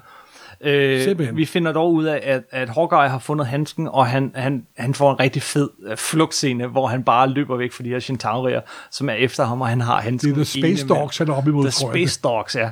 Det er fedt. Men så står Captain America, vi er ved scenen igen, ene mand mod hele den her her, det ser så skide godt ud. Og hvad sker der så? Ja, Så og så der- kommer så jo vendepunktet simpelthen. Så hører han jo, I radioen, ja. Cap, Cap, are you there? Uh, on your, cap, on, are you there? Altså on your left. Ja. Som er en, et gennembrug af en replik. Ja, fordi uh, den allerførste replik i Captain America and the Winter Soldier, det er, at man ser Sam Wilson uh, ude og morgenløbe omkring Washington-monumenterne. Mhm. Mm. Og det er Steve Rogers også, og så han kan løbe 10 gange hurtigere og aldrig blive træt, så on your left! Og så irriterer han, og det er der, deres, deres venskab, op, deres venskab opstår. Mhm. Mm-hmm. Og det er simpelthen det godt. Og så åbner en masse rumportaler sig, og så Som, vinder- som, er jo, som vi jo kender fra, øh, fra Doctor, Doctor Strange. Strange. Ja. Og så dukker først Black Panther op, og så dukker alle op, simpelthen. Alle. Og når du siger alle, så endda ved siden af Wasp i baggrunden, så er du hvem, der dukker op der? How the Dog. Howard the Duck. Det så jeg ikke. Jeg har kun set det på nettet. Oh, ja. Jeg så det ikke, da jeg lægger mærke til, det skal Jeg, jeg lå heller ikke mærke til det i, i, i biografen. Ja, det var også noget, jeg så efterfølgende. Det vil sige, at alle vil tilbage, inklusive Howard the Dog. Yes. Og så kommer for mig det, nok det største øjeblik i filmen simpelthen. Ja. Det er, da alle er samlet. En kæmpe her, som øh, Wong siger til Doctor Strange. Er det ikke nok? Nej, han siger, is this all? Og så siger han, er det ikke nok? og der kommer den her brus af musik. Og så siger øh, Captain America, Avengers, rækker hånden frem. Han får hammeren, og så visker han nærmest, Assemble. Og det er første gang i alle Det er filmene. aller første gang i de 22 film, man siger Avengers Assemble. I slutningen af Age of Ultron bliver cuttet. Ligesom man skal til at sige det. Avengers, og så cutter filmen Ja, simpelthen. og så cutter den, ja. Og der kom tårnet frem hos, hos Søndergaard, hvor jeg var nok ærlig. ærlig Ja, indrømme, men som- jeg, jeg hoppede i sædet. og simpelthen, og så kommer der jo det øjeblik, hvor jeg sagde til mig selv, er det George Perez, der er storyboardmand på den her film? For det er en typisk George Perez-scene, hvor der er 13.520 forskellige superhelte, der tæsker løs blandt hinanden. Ikke? Mm-hmm. Og igen, og, og også, det er noget, jeg altså virkelig vil give Russo-brødrene, som de har formået langt bedre end næsten alle andre superhelte filminstruktører. Uh, de slutter nærmest alle sammen på samme måde, men der kommer et eller andet op fra et stort slag og sådan noget, ligesom den her. Uh, men uh, men i, i flest så bliver det bare sådan noget ligegyldigt bang bang frem og tilbage, men her er der historier. Det fungerede. Hver eneste øh, øh, ting, der sker i den her kamp, er en lille scene, med, øh, som baserer sig på karaktererne. Altså øh, måden, de Jamen, opfører sig Rousseau-brødrene er fantastisk. Ja, og det er små historier i historien. Netop. Det er det, der gør dem så gode, ikke? Jamen, det er, og det kommer det her kæmpe Bravada-slag, der jo er episk i sin størrelse, og, så, og jeg sad der med åben mund og polyper i biografen. Altså. Og, og bare lige for at nævne nogle af historierne der, ikke? Altså, vi har, øh, øh, øh hvad hedder det, øh, øh, Guardians of the Galaxy kommer sammen igen, og øh, øh, det er Spider-Man vender tilbage. og det er så fedt, at Spider-Man vender tilbage, som jo, det, det, det skal siges, der hvor, øh, helt tilbage i starten, hvor at, at, øh, at øh, Captain, øh, slå øh, jeg være træt nu. Uh, Iron Man vender tilbage, så er det første, han siger, I lost the kid. Og, og så når han kigger på billedet uh, af ham sammen med drengen, som forsvandt. Uh, og det er ligesom det, der gør, at han alligevel Der er det på der der far- tids- far-søn Der er noget mellem far-søn dem, øh, forhold mellem dem, og han vender tilbage og begynder straks at snakke som den der forstyrrede teenager. Hey, øh, vidste du, hvad der skete her, Iron Man? Og la, la, er fem år, og. Dr. Strange har så og også en lidt forklaring på, hvordan det lykkedes Dr. Strange at samle alle dem i Ja. løbet af Ja. den der halve hele time, der er gået, inden de blev bragt tilbage og sådan noget. Og han går bare hen, Iron Man, og giver ham et kram. Igen, callback til scenen øh, inde, i, inde i bilen fra den, fra den første Spider-Man-film. Ja, yeah, we're not there yet, som yes. man siger. Nu er det der. og, Og så øh, kommer der jo et kæmpe slag, ja, også hvor øh, Thanos igen er ved at vinde, og så dukker Captain Marvel op. ja. Og hun viser jo igen, at hun er Marvel vs. Superman. Men igen, lige der, hvor slaget ser, er lige ved sådan, ah, altså, fordi den, den, går jo sådan i bølger, sådan, uh, nu går det godt, ah, nu går det ikke så godt, uh, nu går det godt, ej, nu går det ikke så godt. Så kommer uh, Dr. Strange og tænker, uh, han kan klare men nej, så begynder uh, Hudson-floden at vælte ind over dem, og han bliver nødt til at stå der og stoppe vandet som en anden Moses, i stedet for at deltage i slaget. Og så, ligesom det ser gralt ud igen, så kommer Captain Marvel uh, tilbage, og hun smadrer rumskibet og så videre, så videre. en på hun smadrer men, men så igen, øh, for Thanos igen overhånd. Det gør han. Han tager en af stenene, og så får slået hende ud simpelthen. Hun er lige ved at klare ham sætte ud til, men så vælter han lige The Power Stone ud, og så slår Og han så kommer hende, der jo den her, et øjeblik, en lille øjeblik stillhed mellem Dr. Strange og Tony Stark. som er... Har du, er, følger vi stadig den tidslinje, du troede, der gør, vi vinde? Måske. Det afgør, hvad du gør de næste par minutter. Ja, ikke? hvis jeg fortæller dig, hvad der sker, så sker det ikke. Så sker det ikke netop. Og Og så, bare kør videre. Det er min og, telefon. og så sker der jo det, at ja, Tony Stark offer sig simpelthen, ikke? Mm. Og han får samlet... Ja, men der sker det, at, at øh, og det er faktisk måske mit yndlingsøjeblik i filmen, uden et ord, så får man lige øjenkontakt igen mellem Iron Man og, øh, og Dr. Strange. Og Dr. Strange, han kigger bare på ham, så løfter han pegefingeren, og han siger ikke noget, men man kan se, at han siger, en. Der er en chance, en mulighed ud af de der 14 millioner et eller andet. Han viser ham bare fingeren, og så ved Iron Man, hvad han skal gøre. Thanos får fat i handsken. Der har været hele den her vilde jagt, hvor den ene helt efter den anden har den, altså nærmest øh, som fodbolden i et amerikansk fodboldspil. Ikke? Øh, men det ender jo med selvfølgelig, at Thanos får den, og han tager handsken. Han tager den på, og igen tænker jeg, what the fuck? Og han gør det igen. Og for gang skyld sker der ikke noget. Og så er handsken tom, og de seks Infinity Stone gået over i Iron Mans Handske. handske. Thanos har lige noget at sige, I am inevitable. Jeg Ja. er uundgåelig. Et uh, fantastisk replik for Yes, som igen er kommet igen. Og så siger øh, Iron Man, det han siger i de aller sidste sekunder af Iron Man-filmen, ind, inden øh, rulleteksterne. I am Iron Man. Ja. Og så knipser er han med fingrene. Og så bliver hele Thanos her til støv. Og igen Thanos. Altså det er også fedt, ikke? Vi har 727.000 helte i den her film, men de behøver kun én skurk. Han er også sej. Han sætter sig ned, og så siger han, Nå, jeg tabte. Og stille og roligt. Ikke noget med, I shall return. Og alle andre, han bliver til støv, og så er han den sidste, der bliver til støv, der bare blæser bort. ja. Han accepterer det. Og så, og så finder de ud af, at da Tony Stark knipser med fingrene, der var energiudladning, så, så han ikke kan overleve det. Mhm. Mm-hmm. Og så er der en meget rørende død, dødscene. Så rør. Og igen, det fede ved den dødscene er, at det er ikke noget med, en, hvor han lykkes ham at fyre en meget lang monolog af, og så videre, og så videre. Det eneste, han når at sige, det er bare Peps, da, Peter, øh, Potts dukker op. Ja. Hun har det der rescue-kostume på for øvrigt. Først så øh, kommer Spider-Man, og jeg, og jeg sad og tænkte der sådan, øh, nej, det skal ikke være Spider-Man, det skal være Pepper Potts. Og så kommer hun, kommer hun, ja. hun får ligesom fjernet Spider-Man, og så siger hun, det der fik mig til at græde. Og jeg græder aldrig i biografen, men der faldt en tårer, og ikke kun første gang, jeg så den. Øh, så, så, så siger hun nemlig til ham, Tony, Tony, vi klarer os. Vi har det okay. Du kan godt slappe af Ja. Nu. Og det er noget, man skal sige til folk, der er ved at dø, nemlig. Nemlig, det er så Det er godt. meget, det meget er vigtigt. et eller andet, og der er ikke en eller anden lang øh, monolog, for hun fortæller ham, Nu for at blive det Bare personligt, rolig, det sagde jeg faktisk til min mor, der er jo, der er der er jo døde. du sagde til hende, Ja, ja. Nå, det er også. uha, Mon. Ja, Nu vil, jeg- nu vil jeg, ikke jeg, jeg vil ikke græde igen her nu. ja. Det, det, det fik mig. Jamen, det var, det var virkelig, det var virkelig stærkt, simpelthen. Og så er der klip til, ja, til sørgeceremonien. Hvor kan man, først så ser vi, vi ser den her sejl ud over vandet, den her blomsterbuket med, med øh, det, det er hans første, øh, hvad hedder det, øh, ge- generalsekretær, som holdt ham i live, Ja. hvor der står proof that Tony øh, Stark has a heart. Den sejler ud, og så panorerer kameraet over dem, der er kommet til hans begravelse. Og aldrig i filmhistorien, i hvert fald ikke siden Cecil B. DeMille lavede film, har vi set så mange A-liste skuespillere samlet i et skud. Selv dem, der ikke har været med før. Michelle Pfeiffer, øh, alle der sad jeg så, altså den kører over dem alle, og slutter selvfølgelig på øh, den, der har været mest fraværende i den her film. Øh, Nick, Nick Fury. Nick Fury.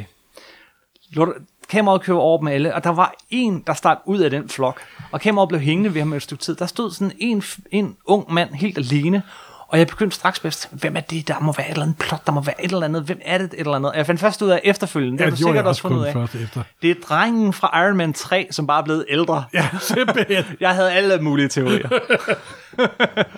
Jamen, det var virkelig cool. Og så er der jo også, lige der, er der jo sådan en besked, som Tony Stark har indspillet, mm. hvor han siger, at det her går sikkert galt, og så videre, og så videre, men jeg klarer mig, og vi skal nok klare os, og så videre, og så videre. Ja. Og så er der også en meget rørende scene, hvor John Farrow, der spiller Happy Hogan, sidder med, med datteren Morgan der. Og Morgan siger, ja, hun godt vil have noget at spise, og godt vil have noget at spise, og jeg vil godt have cheeseburgers, og det er jo også et callback til Iron Man nummer 1. Det er det første, han siger, da han efter han vender tilbage. tilbage fra Afghanistan, hvad det nok, nok er, mm. så vil han have cheeseburgers, og det er også en meget rørende scene, må jeg sige. Så mangler vi bare lige en sidste ting. Ja, i vi plottet. skal have puttet stenene på, på plads igen. Yes, og det er Captain America, der melder sig til det. Men det er en fed scene. Han står, øh, det er Hulk, der skal sende dem tilbage. Han står sammen med Anthony Mackie øh, som, som Falcon, og, og med, øh, med, hvad hedder han, The Winter Soldier. Ja. Øh, øh, Stan, et eller andet. Øh, og, øh, og man kan bare se i hans blik. Han siger så lidt, han er en virkelig god skuespiller, ham, ham der spiller Winter Soldier. Ikke? Altså, man kan se i hans blik, han ved godt, hvad Captain America skal til at gøre nu. og, og, og, og, og jeg, jeg har også gættet det, ikke? Ja, jo, det har vi, det har vi Øh, selvfølgelig. selvfølgelig. Han tager tilbage i tiden, afleverer alle øh, stenene Han har, lige siden han tager afsted, har han en kuffert med de seks Infinity Stones. Ja. Meget praktisk. Mm. og Thors hammer, vil der mærke, Yes, yes. som han nok får brug for. Og så siger han, du tager afsted, og vi kalder tilbage efter 5 sekunder. På grund af tidsrejse, så kan han jo være væk uendelig længe, og vende tilbage til næsten samme øjeblik igen. Men det gør han ikke. Han passer his time mark, his time mark, som, ja. øh, som Bruce Banner siger. Og så, selvfølgelig, ser man en gammel skikkelse sidde på en bænk, og det er selvfølgelig Rogers, der har besluttet, at efter at have afleveret stenene, og der er sikkert en hel spillefilm der, hvis man vil lave en, Yes. Så har han besluttet, at nu vil han selv prøve at få et liv. Og det har han så fået. Og det har han så fået. Han er taget tilbage i tiden. Han har fået det sammen med Peggy Carter igen. Og det er der, hvor filmen slutter. Filmen slutter med, at de står og danser øh, til samme musik i øvrigt, som spillede i, øh, øh, i, øh, i Avengers. Nej, øh, Øh, Age of Ultron? Ja, ja, øh, ja, nej, der hvor øh, Nick Fury står sammen med Captain America første gang, der hvor han vågner op inden det der værelse, er det i, i slutningen af, Er det den- af den første Captain Ja, America det er men øh, der er jo også den øh, flashback-scene i Ace of Ultron, hvor han sådan møder Peggy Carter og danser med hende. Mm. Og der er jo et band, der spiller musikken, mm. den her dancehall-scene. Og hvis man fryser filmen, så hedder det band, der hedder The Roy Thomas Players. Okay. Men ja, undskyld. filmen slutter altså med de to og et kys. ja, Som og der 90% af alle Hollywood-film, den slutter på et kys. og det slutter lykkeligt, og han får Peggy Carter til sidst. Jeg var irriteret der. Var du irriteret? Jeg var vildt jeg, irriteret. jeg ved godt, fordi jeg sad, men vent lidt, hvis han rejser tilbage i tiden, Klip. og han så har været sammen med hende, men hvordan kan hun så have været med i de der film, øh, i den der tv-serie med Agent Carter, hvordan kunne det hele sig? Det kørte rundt i mit hoved. en, vil du have en, en, en, en forklaring, Kim? Ja. Ja, han har jo taget Thors hammer med, ikke? Ja. Thors hammer kan rejse gennem tid og rum. Nej, det kan den ikke. Jo, det vil Gud, den kan. Ikke i de her film. Det kan den åbenbart, fordi han rejser tilbage til den oprindelige tids, tidslinje igen. det ved jeg godt. Men at- har han ikke netop startet et helt parallelt univers? Jo, er han der har. Ikke, I løbet af den her film er der opstået to parallelle universer. Der er, Der er Loke, der tager øh, kuben, som jeg og er sagde hende. før, tidsrejse er et plot device i den her film. Jo, men, men, men når nu de faktisk gør et nummer ud af sådan lidt at etablere det der... De giver illusion om, at det er logisk at forklare. Men du kan ikke bruge logik på tidsrejse. Nej, det kan man ikke. Du, dit sprog og din hjerne er ikke i stand til at fatte tidsrejse. Hmm. Og du vil ikke deltage af de to andre, 200 andre øh, YouTube-kanaler, der prøver at forklare det her problem. Jeg var meget ambivalent, fordi på den ene side sådan, ej, var det dejligt og romantisk og på sin plads, men på den anden side så, men det giver jo ikke mening. Der er meget af den film, der ikke giver mening. Lad os lige afgøre det med det samme. Det kan vi godt blive enige om. Det endte, alle 22 film endte med, at Steve Rogers blev lykkelig. Ja, Det kan der ikke være nogen bedre slutning det end det. kan det ikke. Og han fik lov at leve et helt langt liv. Det var også meget rørende. da Han, han, og han giver jo skjoldet til... Øh, til, Til Sam Wilson, der bliver den nye Captain America. Yes, det er jeg spændt på at se. Og jeg ved ikke, om han kan bære det. Men, og, øh, og, og så ser Sam Wilson lige ringen der på hans finger, og så siger han, så ja. øh, har du lyst til at fortælle mig om hende? Nej, Nej, Nej det, det- det tror jeg egentlig ikke, jeg har lyst til. Den beholder han for Ja, sig selv. simpelthen. Øj, det er godt. Ja. Og så kommer rulleteksterne, og vi sidder og venter hele vejen igennem. Vi kigger selvfølgelig efter, hvilke øh, tegneserieforfattere og tegnere, når der man bliver har nævnt. set sådan en film, for, for enten der er en lille kage til slut, eller så er det din pligt at sidde og se samtlige folk, der har knoklet sig selv ihjel for at lave den her film. Ja. Og det er jo en herskar af kreative mennesker simpelthen. For første gang øh, siden øh, Iron Man, er der ikke noget efter rulleteksterne. Iron Man er der også noget efter Nej, rulleteksterne. siden, ja, ja, nej, men altså, øh, siden begyndelsen. Der har altid Ja, været noget til simpelthen. slut. Øh, det er der ikke her. Der er kun, som vi startede med at sige, lyden af hammer. Øh, Men der også er en slutscene, kan man sige. på en måde, ikke? Og det er også det er det fede. perfekt. Det er et punktum. Det er det, Det er ikke et fortsættelse. Det, kan huske, det var noget af det første, vi stod og sagde til hinanden. Det her, det er et punktum. Og det, det er med til at skille filmen ud igen for alle de andre. Ja. Så en lille kuffert med alle 22 Blu- Blu-rays, det bliver nok en rigtig god julegave. gør det nok. Hvad skal der ske nu for Marvel-universet? Altså, vi ved, der kommer en, øh, en Spider-Man-film lige om hjørnet. Ja, og det er meget interessant, fordi øhm, vi lader den foregå i The Post-Snap World, Det ved de da. hvor det håber jeg godt, Det tror jeg. Så kommer de ind på det her problem, hvordan beskriver du en verden, hvor halvdelen har været væk i fem år og dukker op igen? Ja, der, der er den der scene, hvor Spider-Man vender tilbage til sin klasse sammen med sin kammerat der. Men, det, det, men alle, du har gået i klasse med, eller halvdelen af dem, du har gået i klasse med, må jo allerede have været øh, færdige med gymnasiet.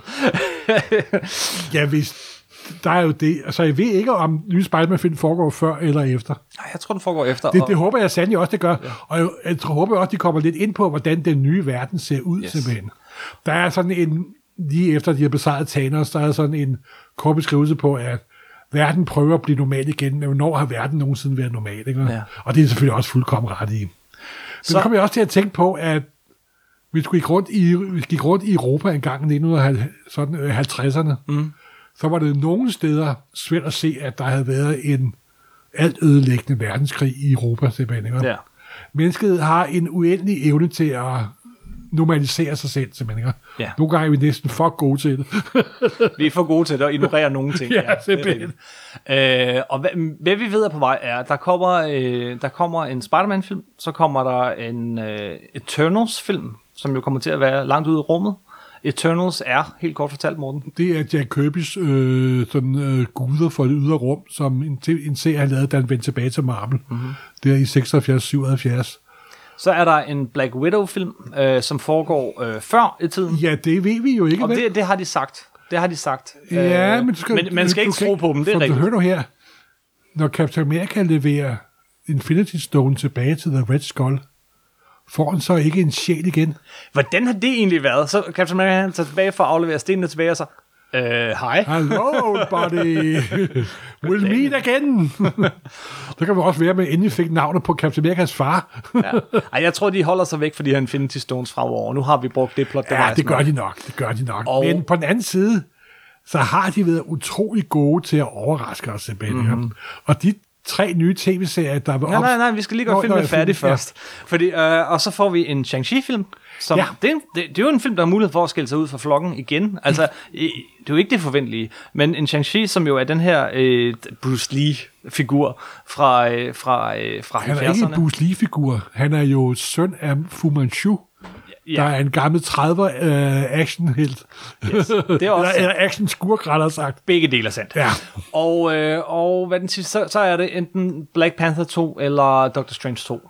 Men, ja, og men så vi Guardian har, Galaxy 3. yes. Og det er, hvad vi ved er på vej af, af filmen. Fordi at filmen slutter jo også med, at, Det glemte vi, ja. ja, at Thor bliver medlem af The, Ag- the Agarthian, Agarthians of the Galaxy. As Guardians of the Galaxy. og så bliver det jo Chris mod Chris. Ja. Det, det, Og det var så morsomt. og det var også fedt. Altså, jeg havde jo regnet med, at Thor han ville dø i den her, men det ser ud som om, han er med i den næste Guardians-film. Ja. Lad os se.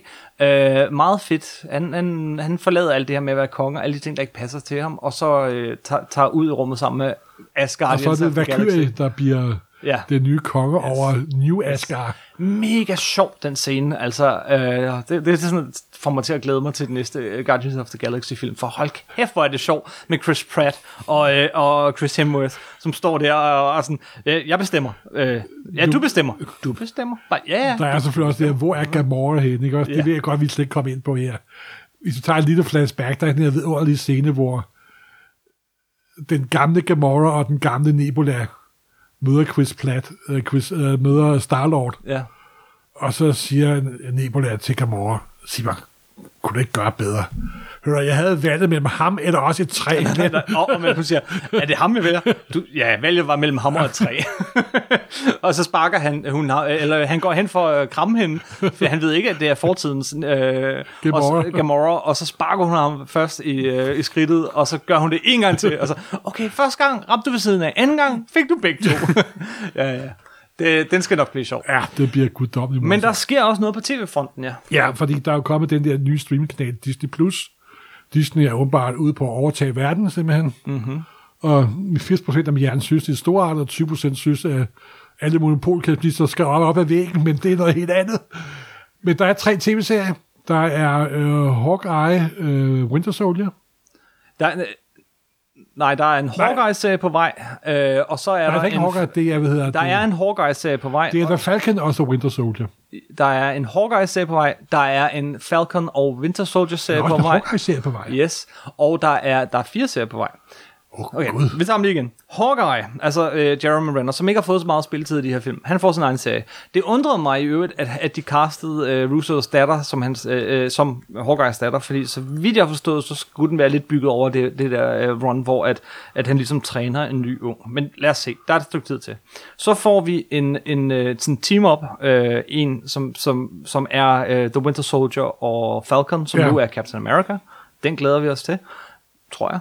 Den, jeg glæder mig mest til, øh, er Loges helt egen tv-serie, er som øh, jeg er spændt på, hvad er, men jeg kan ikke få nok øh, Hiddleston. Det er, han rejser gennem tid og rum og laver en masse underlige eventyr. Så vidt og jeg på et tidspunkt bliver til en rotte. Nej, det tror jeg ikke. Jeg tror faktisk, den, den, den, den, viser, hvordan Loke har været op igennem tiden. Det er ikke noget, man tid, springer gennem tid og rum, men vi følger ham fra, fra vikingetiden til i dag. Det er mit bud. Og så får vi øh, WandaVision. Wonder Vision. Ja, Fordi Wonder den Vision. eneste, der ikke vendte tilbage i den her film, var Vision. Men han var jo også død før. Han døde nemlig før, Før så, så han kunne ikke komme tilbage. Men Wonder Vision hedder den, ud i et, Et ord. net op. Jeg har min... min, min Det handler om, at hun bygger sin egen vision jo, ikke? Fordi hun er jo, hun, i tegneserien er der et stort plot med, at hun skaber sin egen familie, hun skaber sin egen børn, og de Ja. er der ikke, det er hendes egen plot. at gøre det her, og hun er også, øh, på et tidspunkt udrydder hun jo nærmest alle mutanter ved at sige no more mutants. Ja. Hun er så mægtig. Ja. Hun har en herlig lille, meget kort scene i den her øh, øh, film, hvor øh, hun konfronterer Thanos og siger, you took everything from me, og så siger han, jeg aner ikke engang, hvem du er. det kommer du til at vide. Øh, Han får en gang af herrebank. men filmen, tv-serien hedder Wonder Vision ud i et. Jeg tror også på den her teori med, at øh, hun simpelthen skaber ham. ja, selvfølgelig. Det- det- det bliver Den glæder jeg mig Jeg tror faktisk, de har kigget lidt på Tom Kings Vision-serie. Det kunne man håbe. Jeg tror, der er, Ej, det element, kunne være så fedt. at der er element... Jamen, de, jeg har set et sted på nettet, hvor de sagde, at det bliver noget med 50'erne. Mm-hmm. Og det er jo sådan er Amerikas øh, kernefamilie tilbage til forstederne. Og, Så hun skaber den familie, hun gerne vil have, som er Ja. sådan et spejl øh, så jeg tror faktisk, at vi kan...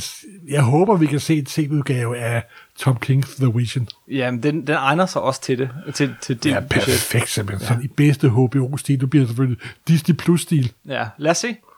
Ja, Så, det er, hvad fremtiden byder. Udover, selvfølgelig, så er der andre tv-serier, som ikke er sådan direkte ud af filmuniverset, men relateret til. Der er jo stadig Cloak and Dagger, og øh, hvad er der? Uh, S.H.I.E.L.D. slutter nu, og, der er Runaways også, og så videre, og så videre. og så har, har Marvel jo fået rettighederne til både Fantastic Four og, øh, og Ja, og så X-Men. Og der tror jeg, der sker det, at X-Men dukker først op om en 8-10 år. Det tror jeg også. Den, den har brug for lige at hvile. Men jeg serie. tror, at den nye øh, fase, de starter med fase 4, hvor den første film nok bliver Internals, mm. der tror jeg, at de lægger grundplottet til noget mere kosmisk, Ude i rummet, ja. fordi at Captain Marvel skal jo også ind igen. Mm-hmm. Og jeg tror, at de vil... Jeg kunne forestille mig, i hensyn til Captain Marvel, at de vil lave sådan måske sådan lidt Dark Phoenix-agtig historie.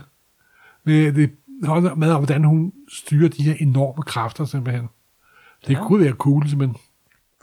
Men Der- en ting er jeg helt sikker på, de vil træffe de rigtige beslutninger, for det har de første 22 film vist. Det har de. Hold da kæft. Ja, Morten? en lang rambling. Ja, men det er også en lang film, og, øh, og der har været meget op til. Har du, nogle, øh, du har nogle noter foran dig. Er der noget, du, øh, du synes, vi mangler at få med her? Er der øh, nogle Bum, bum, noter? bum, bum. Øh, Det er der sikkert, det er der sikkert. Hvad, du snakkede på et tidspunkt om, din, øh, om de fem bedste øjeblikke i filmen, kan jeg huske. Jamen, det har vi været inde på. Der er Ølvorm, Thor, der er Black Widows død, Tonys død, Avengers Sable. Vi har været inde på, på dem alle sammen. Ja, og samme her. Øh, der er, øh, ja, jeg synes, jeg synes også, jeg har været godt omkring. Det må man Øhm, sige. Det må man sige. Yes. Skal vi stoppe af jer så? Simpelthen bare gå ind og se den en gang til, for, for det skal jeg nemlig. Hvor mange gange har du set den indtil Jeg har kun fået set den 3 3 3 Kun set den tre gange. Men nu skal jeg til. London her i næste uge, Ah, så kan du se og der igen. håber jeg, at jeg kan få den uden undertekster. Fordi jeg var inde og se den i Imperial Ja, i 2D-version. ja. Og hvorfor at danske undertekster skal være selvlysende, man ikke dårligt kan se, hvad der foregår på skærmen, det fatter jeg simpelthen ikke, altså. Sådan en diskret gul farve, så man kan læse dem uden at blive blind, simpelthen. Yes, yes, yes. Jeg var, Det er bedre end 3D-undertekster, som er, er sådan, sådan er to meter ude for lageret. Og, og jamen, der kunne jeg bedre, næsen. bedre abstrahere frem, Ah, det, fordi de er ikke så, så skinnende. okay. Jeg kan godt skal være, at det er den fremvisningsteknik, de har i, uh, i Imperial.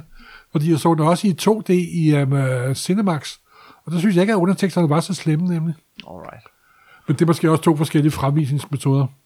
Hvad, hvad vil jeg? Det er også lige med. Det er lige meget. Jeg tror, vi skal sige, øh, husk, at du kan øh, høre alle afsnit af Supersnak ind på supersnak.nu, eller Spotify, eller iTunes, eller hvor du hører podcasts.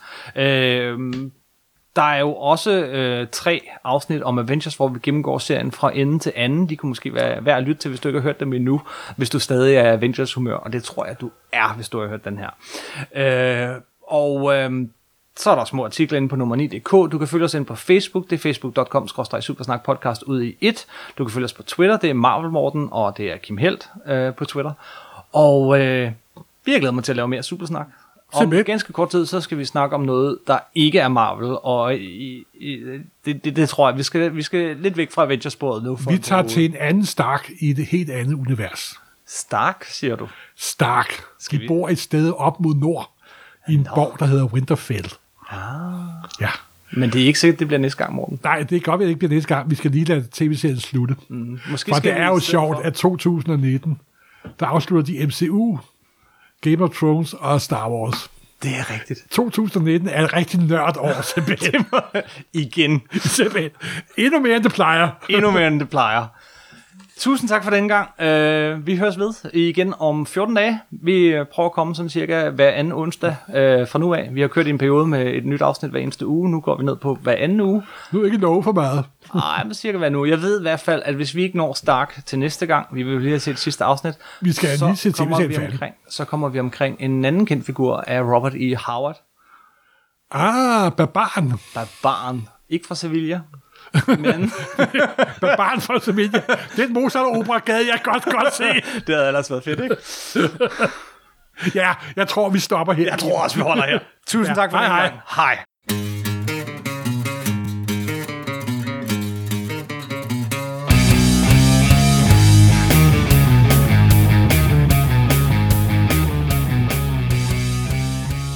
One guy on the Avengers who sometimes gets overlooked. Uh, he's still great, but it's hard to compete with those other guys. So here now to shed light on his own strengths and abilities, to the tune of Ed Sheeran's "Thinking Out Loud," is Hawkeye.